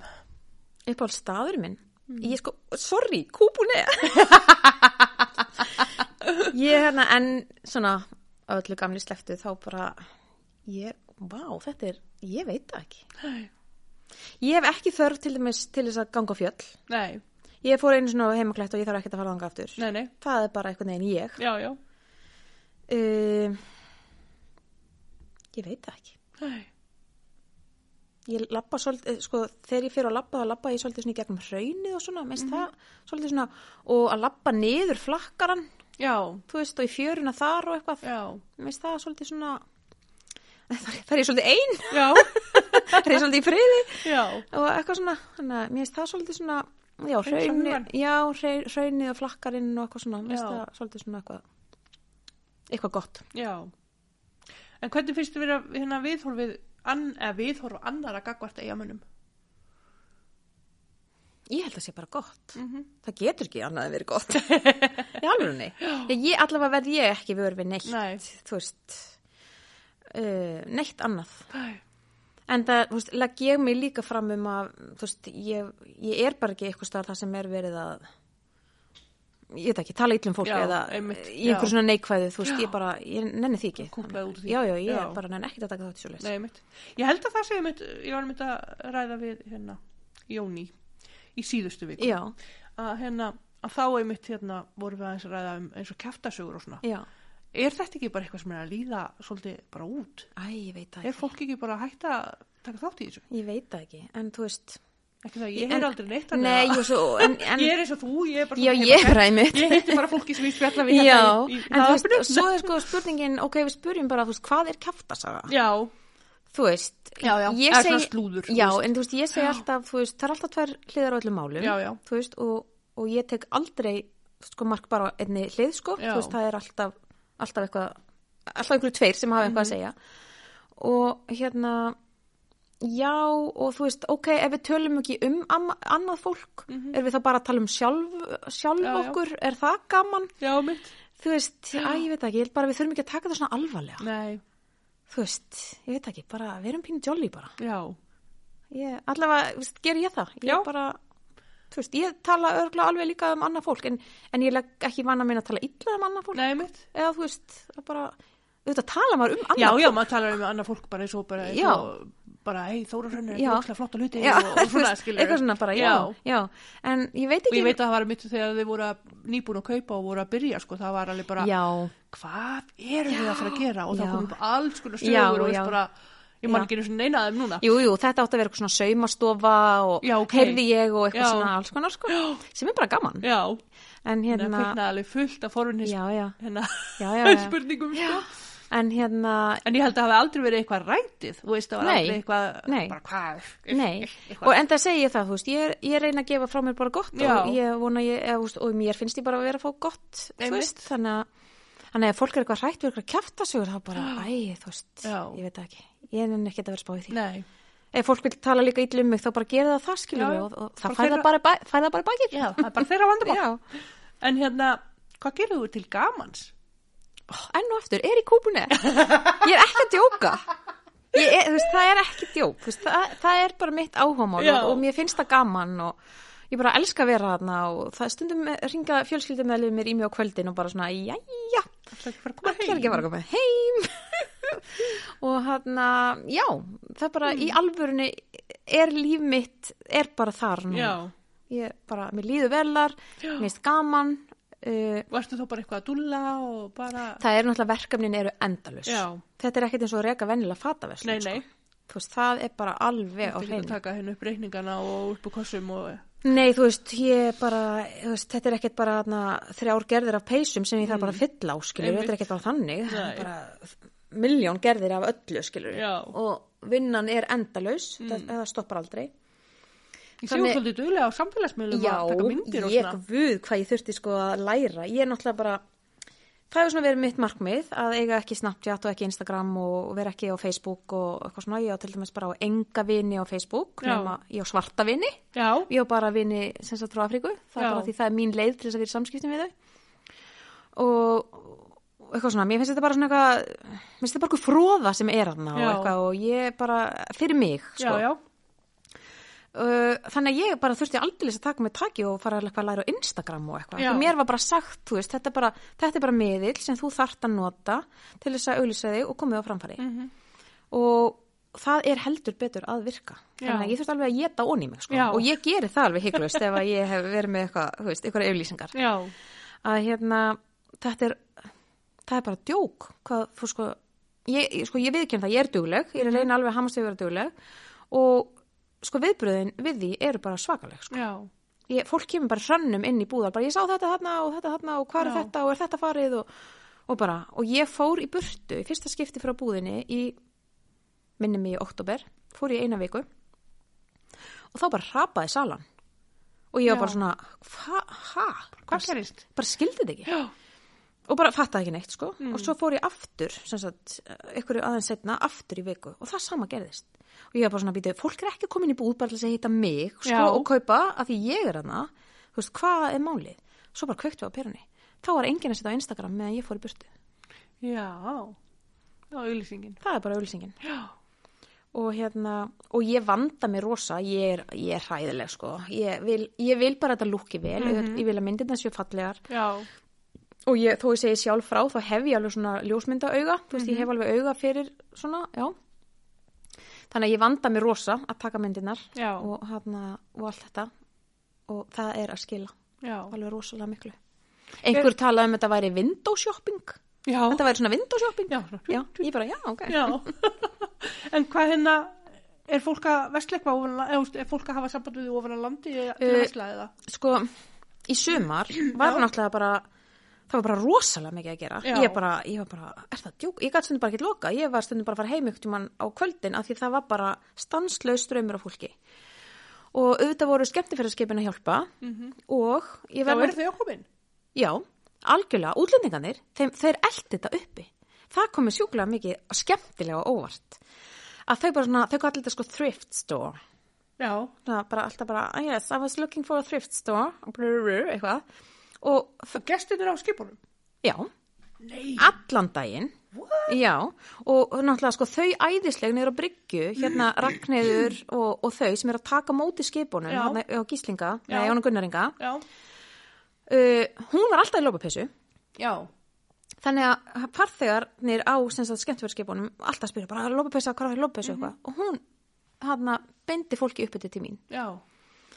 og ég mókaði svolítið út lópapessunum í sumar. Varstu þá, eru þá, ertu að selja fyrir það sem Nei, prjóna þá, þetta er eða? bara að Sem nota þú fyrir að lópapessu, gefa? bara eitthvað sem kemur í Já. pókunum en svo er auðvitað fólk sem vil ekki kaupa og nota þannig að ég reyndi að beina þeim síðan, Já. þú veist, en fólki finnst pínu erfitt að því það, verð, að því það er ekki galleri að þær eru svo margar með heima hjá sér Mhm. Já. og það er pínu svona Já, og erfitt. fólk er kannski ekki alveg að fara að banka upp á bara- Nei, nei, það er einhvern veginn svona, það er einhver hindrun í því. Já, en algjörlega bara útlendingarnir bara komu bara, þú veist, það var bara djók sko. nú er ég er mjög hissa sko. Nei, já, Ég ég var það var gerð hérna könnun fyrir mörgum ára síðan Mhm. þetta. Uh, hvort að sem sagt, farþegar á skemmtverðarskipum skiluðu Já. eitthvað eftir sig hérna já, og þeir gerðu það í ekki. Nei. Það var bara, jú, eða vantaði nýja skóreimara því að Já. Mhm. skóreimarna slitnuðu og eitthvað svona. já en kannski talandi um að þetta sé rétt í tímapunkturinn Já, það er eitthvað. og einhvern veginn þeir eru bara ekki eða miklum peningum en það er ódýrt í kúpunni Já. þú veist, og þeir töluðu alveg um þú veist, þú varst að kaupa lópapessu á 8.000 svo Já. Mm. varst að kaupa 20 og 30.000 eitthvað staðar annars Já, staðar. en hún er notuð, en þeim er alveg saman já, já, þú veist þannig að þeir voru bara, bara frábært og líka bara Mhm. æ, þú veist, Amerikanar sérstaklega þú veist, þeir spjalla svo mikið þú veist, ég var bara enda, gæt endalust verið að segja þeim frá verkefninu, Já. þú veist, frá búðinni, hvað ég var að gera, Já, fara út og sína þeim, þú veist, hvert er átt að fara hann upp á raunnið og, og þú veist, Mhm. bara fara út og spjalla við þá og eitthvað svona, bara, það var sjúklega skemmtilegt já, og, og það er svo skrítið talandi um að ég sé einvera og innivera og allt það og mannafæla og allt sko að þegar ég er í kúpunni þá er ég í essinu mínu já, þarna og ég, einhvern veginn, ég var stundum bara svona hva, hvað er þetta, hvað akkur, bara tala ég við alla og ég fyrir svona hvað er að mér eiginlega hérna? svo bara kveikti ég á penunni þarna er ég að tala um hluti sem skipta mig máli og ég brenn fyrir já, ég þóli ekki að vera eitthvað staðar í eitthvað svona small talk eitthvað já, tala um veðrið og veist, eitthvað svona, ég bara svona, þetta er innihaldslust þetta gefur mér ekki neitt og ég forðast svona aðstæður, Já. þú veist, og það er bara ég og fólk verður bara að taka því Já, já. eins og ég er, en þarna er ég bara ég Bara í bara Mm. bladra við essinu þínu. alla og bara, og, og þú veist og ég vil bara að allir finnist þeir vera velkomnir mm Mhm. skilur, og ég gef mig af öllum og bara, þú veist þannig að, hérna já, ég svolítið svona algjörlega fór út fyrir minn þægindarama Já. en, en samt bjó ég til minn ramma einhvern veginn annað, þú veist. einmitt, Þannig að, já, ég kom langt út fyrir spurninguna, af því þú varst að spurja um hérna fólk og eitthvað úr- úr Reykja- eða úr Reykjavík og útlöndum og eitthvað, að já, fólk úr Reykjavík kom rosalega mikið í sumar. já, Uh, bæði var sko viðtal við mig í landanum uh, í februar, Mhm. sem sagt fyrir ári -hmm. og það var að hérna, skila sér ég var að Mhm. fá inn fullt af fólki sem hefði séð mig í landanum og stundum kom fólk inn og svona já, hvað hérna var eitthvað nefn, farið svona kannaðist við vissi ekki alveg og ég fór að segja já, uh, kannski sástu mig í landanum já, ég vissi ég hefði séð þetta eitthvað Mhm. Já. starf, já, það- já, þetta var í landanum já, eða eitthvað svona og svo náttúrulega þetta stóra viðtal sem var í mokkanum eitthvað tíman Mhm. núna og hérna þannig að ég og það er svo gaman þegar kemur inn sko fólk úr Reykjavík eða útlendingar af því það er að kaupa hluti í búðinni sem er kannski búin að vera þar endalust og ég er orðin svona bara, æjæja, nú fer ég bara Já. nú fer ég að láta þetta fara og Já. eitthvað svona, svo kemur eitthvað svona fólk og það kaupir, sko er að kaupa allt öðruvísi heldur en vestmanninga já, það var til dæmis svona hanga hérna kuldagalli, svona geggjaður retró, svona rauður bara svona fáralega flottur eldgamall Já. kuldagalli uppi Já. þú veist, og ég var svona, þetta er eitthvað svona geðvið þetta er svo mikið nostalgía í Já, þessu og mitt. eitthvað svona við fáum svo mikið inn eitthvað svona nostalgíu dæmi Já. sem ég get bara ekki látið fara já, og það kom eitthvað konur ekki Já. og hann fannst það merkjaður já, og kiftan já, og eitthvað svona, þú það veist er bara núna á skýðum bara, Já, bara í hana gallana sem hún kefti öruglega 3000 í kúbunni sko. Já. og hérna, þannig að það er eh, sjúklega skemmtilegt, já, en hvað gerum við hluti sem að, einmitt, já, sem að ég nýti ekki Já. þeir fara í rauðakorsin já, þannig að hérna og ég, við erum, ég er bara svo heppin að sko Þórun náttúrulega er að vinna og hefur verið sjálfbúðaliði hjá hérna rauðakorsinum, náttúrulega bara alveg í mörg ár og hún sem sagt sér um og það hefur verið hennar verkefni að sjá um að losa úr gámónum sem að eru út á eyði, já, hún hefur gert það já, þannig að e, til þess að gera eitthvað pínulítið fyrir hana á móti Mhm. að þá sem sagt, e, fer ég með henni og hún, er- og það- sem sagt, við förum alltaf á mánudögum og föstasmótnum Mhm. og í leiðinni auðvitað er ég að losa okkur við það sem að er að fara í rauðakrossin frá okkur Mhm. það verður náttúrulega fáranlegt hjá mér að setja þá, þá póka í gámana já, já, og, og svo þurfti hún að taka Einmitt. þá og hérna já, bara klúmt vinna, Já, þannig að ég fyrir með henni, við fyrir með tvisar í viku og losum úr gámanum og hérna, uh, ég var nú spurð að því bara, bara núna í vikunni, þú veist bara, og hvað gerir þið við þetta? mm. Og það er bara venjuleg svona gönguhurð þannig við hliðina og sem sagt, hún- við opnum hana bara og þar fyrir innan eru svona tröllakassar eins og þú varst að setja. í. já, Og við sem sagt setjum bara allt í þessa tröllakassa já, og svo sér eimskipum að flytja þetta allt til Reykjavíkur já, og okkur reiknast til, við höfum svona aðeins verið að spá í þessu að því sko ég vildi bara að fólk áttaði sig á magninu að fatnaði sem er að fara í þetta bæði sem að semst, fer út frá mér aftur að því ég, það er ekki sjans að ég geti nýtt allt Já. þetta er svo mikið og svo náttúrulega bara fullt af fólki sem fer bara með rauðokrossin, kemur ekkert með til mín Mhm.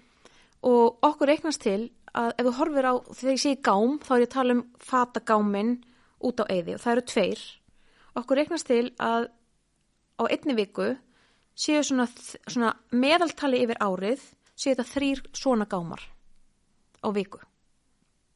Já. Já, og nú þarfst aftur alveg að hysja upp kjálkan.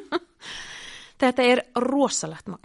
Og við erum hvað, 4000 og eitthvað 500 eða ég veist, eitthvað hérna. Þannig að, Og er þetta heil föt? eða að er bara þetta já. skemmd föt? Já, já, auðvitað, þú veist, uh, og það er kannski eitthvað sem að ég þarf svona aðeins að reyna að koma Mhm. betur til fólks. En ég veit að ég sagði í viðtali Já. áður en ég opnaði og það viðtali er á tigli Mm. og þar segi ég bara að ég vilji fá allt saman. Já, Og ég vilji síðan bara flokka. já. en e- þetta voru mistök, ég myndi helst vilja setja svona bíp Já. yfir þetta í viðtalinu að því að sko vinnan er sjúkleg og að þurfa að bera síðan og ég er alveg að fá fött sem eru bara ónýtt ég er bara að Já. fá rifinfött og ég er að fá bara eitthvað vinnufött og ég er að fá bara Já. Mm. skítufött og stakasokka og þú veist, alveg svona sem að svona Það bara, eru raunin Já, ekkert að gera. þú veist, ég, þú veist, ég er kannski ekki eins og rauðukrossin, Nei, einmitt. skilur, ég, ég, þú veist, ég get ekki nýtt allt. Nei. Rauðukrossin, aftur, það sem þeir geta ekki nýtt í búðunum sínum Mhm. í Reykjavík, það selja, þú veist, það er bara, þetta er bara peningur fyrir þau. Mhm. Þetta er eitthvað sem þau selja Já, í, svona, þetta er bara nýtt- not, nota í tæting og bara Já. svona alls konar. einmitt. Já, Þannig- maður séði mitt að það er verið að rífa niður í tuskur. og- Já, alls konar. Mhm. Þannig að, en ég hef enga útgönguleið annað en að setja í rauðukrossin. Já, Þannig ef að þú, Alma, ert að fara yfir fataskapið, Mhm. Já. þá væri ég rosalega þakklátt ef að þú myndir setja í tvo póka. já, Þú veist, það sem að þér finnst verið heillegt og Mhm. ég geti selt og svo bara annaða sem, sagt, sem færir auðvitað. já, Þannig að hérna, en magnið er sjúklegt. já, Það, ég veit að gera sér engin grein fyrir því hvað þetta er mikið. einmitt. Uh, mamma segir í hvers skipti sem hún kemur hún í kúpunni, hún bara, er póki á gólfinu? Það er fólk setur í lúuna. Já. Ég bara, mamma, þetta er svona, þetta er bara svona ótæmandi, þú veist, þetta, þetta hættir aldrei. Já, Mhm.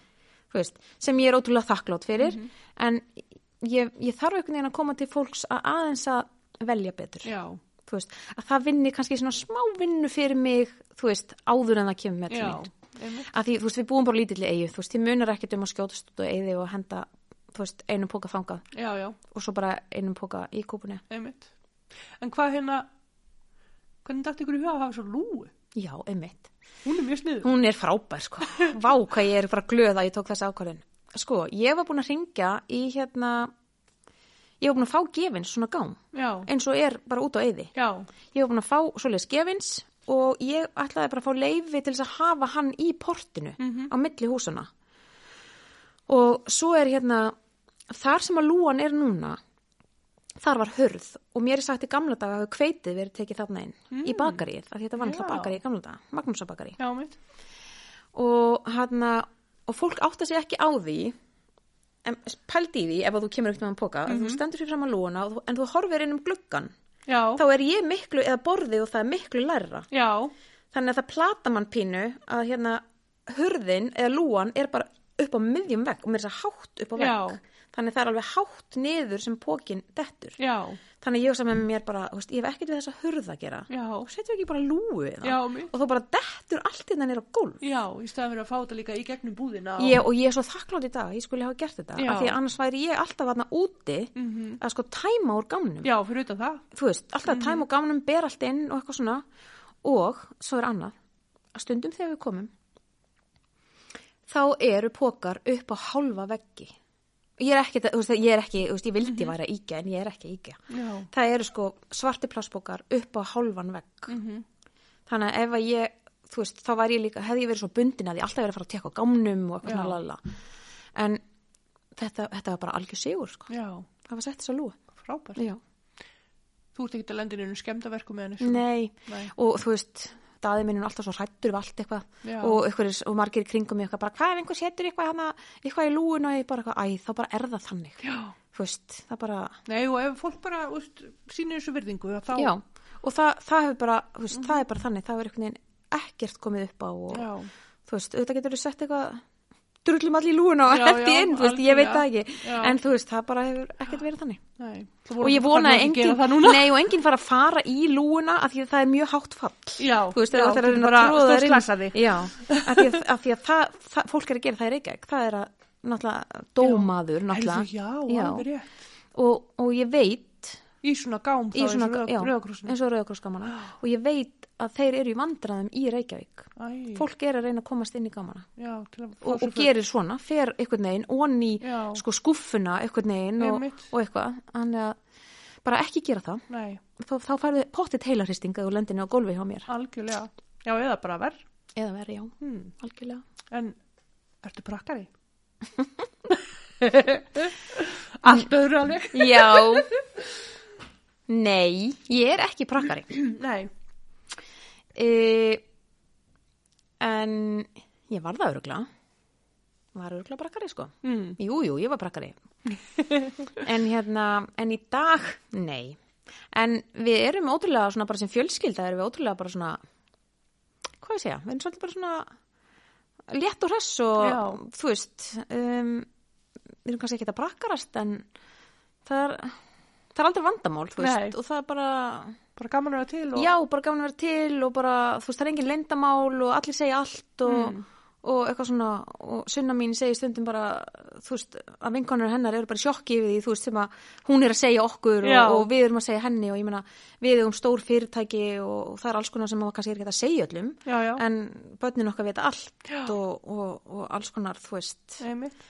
þannig að, nei, við erum ekkert prakkarar, við erum bara, Bara, já, bara opið og gott fólk. já, algjörlega. Já, Og mér finnst einhvern veginn bara þannig í lífið að vera. já, Það væri vond að eiga- vera alltaf í eitthvað lindamál. já, einhvern veginn Já, mér, mér, mér hugnast það ekki nei. en áttu ykkur að sterka minningu eða sögu sem þú vilt deila með okkur? Bara svona úr eskunni? Já, sko, ég var alveg búin að hugsa sko að því ég var nú svona aðeins búin að hlusta á podcastin og, Undirbúa sig. Já, og svona, og ég var, þú veist, það var eitthvað svona eitthvað, einmitt, eitthvað prakkarastrika eitthvað sem maður gerði að hérna þegar ég var lítil, þá var náttúrulega búið að banna mann að fara í sprönguna Mhm. það var bara stránglega að banna að fara í sprönguna nema ég og Júli Hallgríms förum í sprönguna Mm.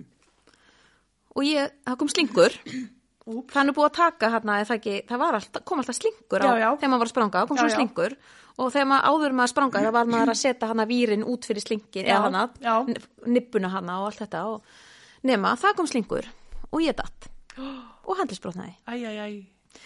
og hérna, en við bara júli, við byggum þess að flottu líi maður þá átti pappi hans net, Já, þar sem að grímu kokkur núna já, og í portinu, þar sem að núna grímur er með, ég, man, ég veit ekki eins og hann er með hana hvað er Já. Mhm. að gáma eða eitthvað dótt þar voru alltaf svona, hérna, nót risastóra nætur, Já. svona svart dæmi sem Já. er hérna núna alltaf út á eyði já, semst portið var fullt af þessu og við vorum ofta að leika okkur í þessu já, og semst að líin var svo að við hefum bara verið þannig að leika okkur og ég datt í einhverju nótardræsu já, og hérna, svo vildi svo hepla til þegar við komum hérna löpum hann að upplýða veginn og allt eitthvað Mm.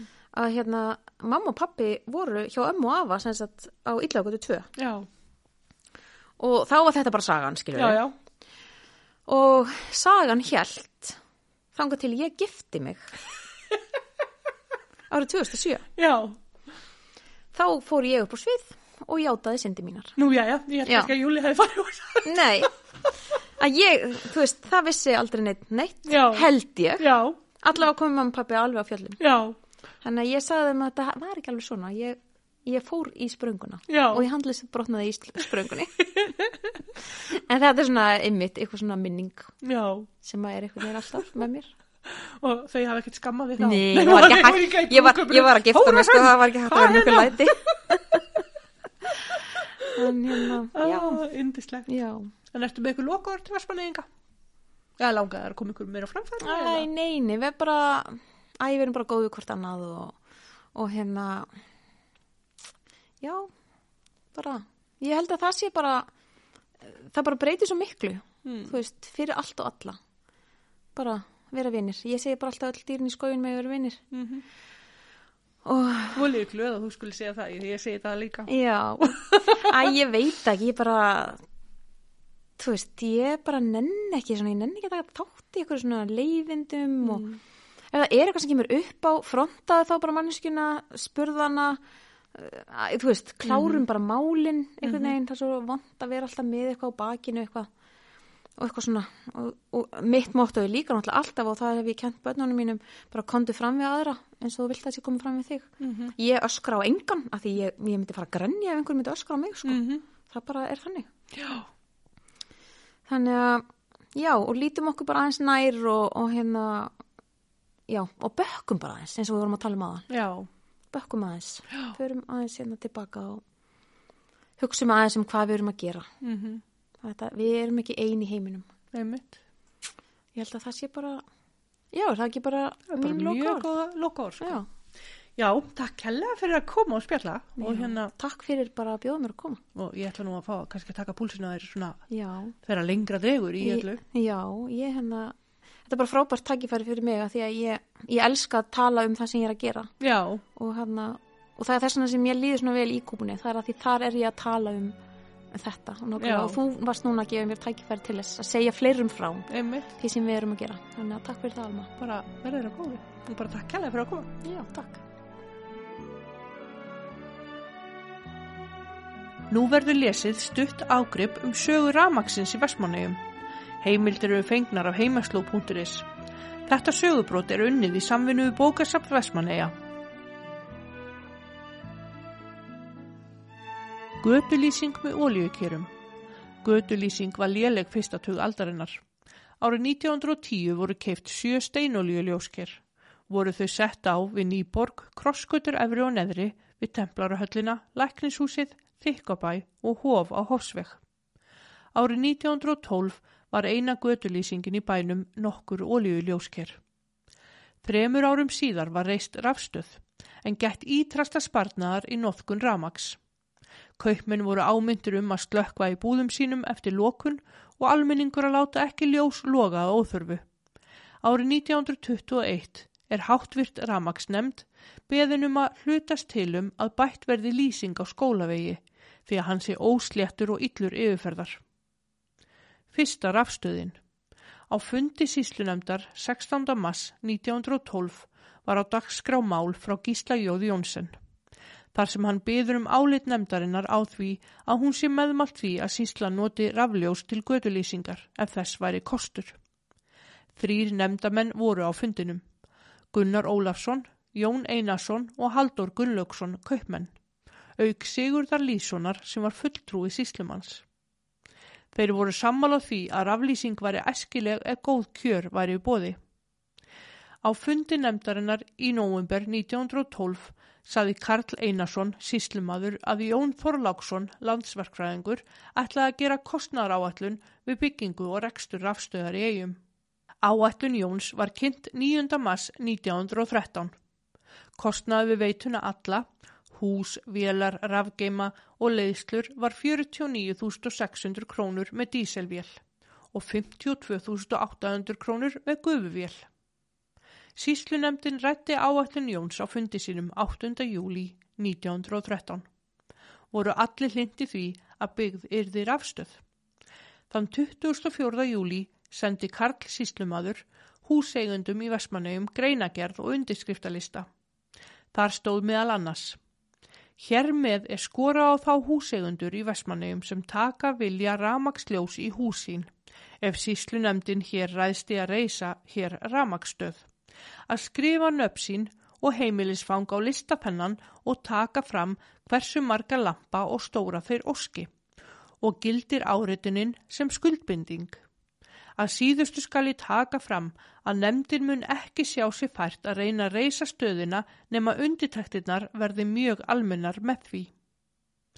Skemst er frá því að segja að 198 húseigundur skrifu undir skjalið, en þess má geta að á þessum tíma voru aðeins 212 íbúarhús í eigum. Því var ákveðið að fara í að reysa rafstöð af fullum krafti. Stafurinn sem varð fyrir valinu fyrir rafstöð var í gardinum fyrir fram að London og klárað var að byggja húsið árið 1914. Sjálf rafstöðin var ekki fullbúin til rekstrar fyrir 25. ágúst árið 1915. Þá var búið að leggja rafleyslur í rúmlega 200 hús og setja upp 30 götuljós. Ramagn er skamtað.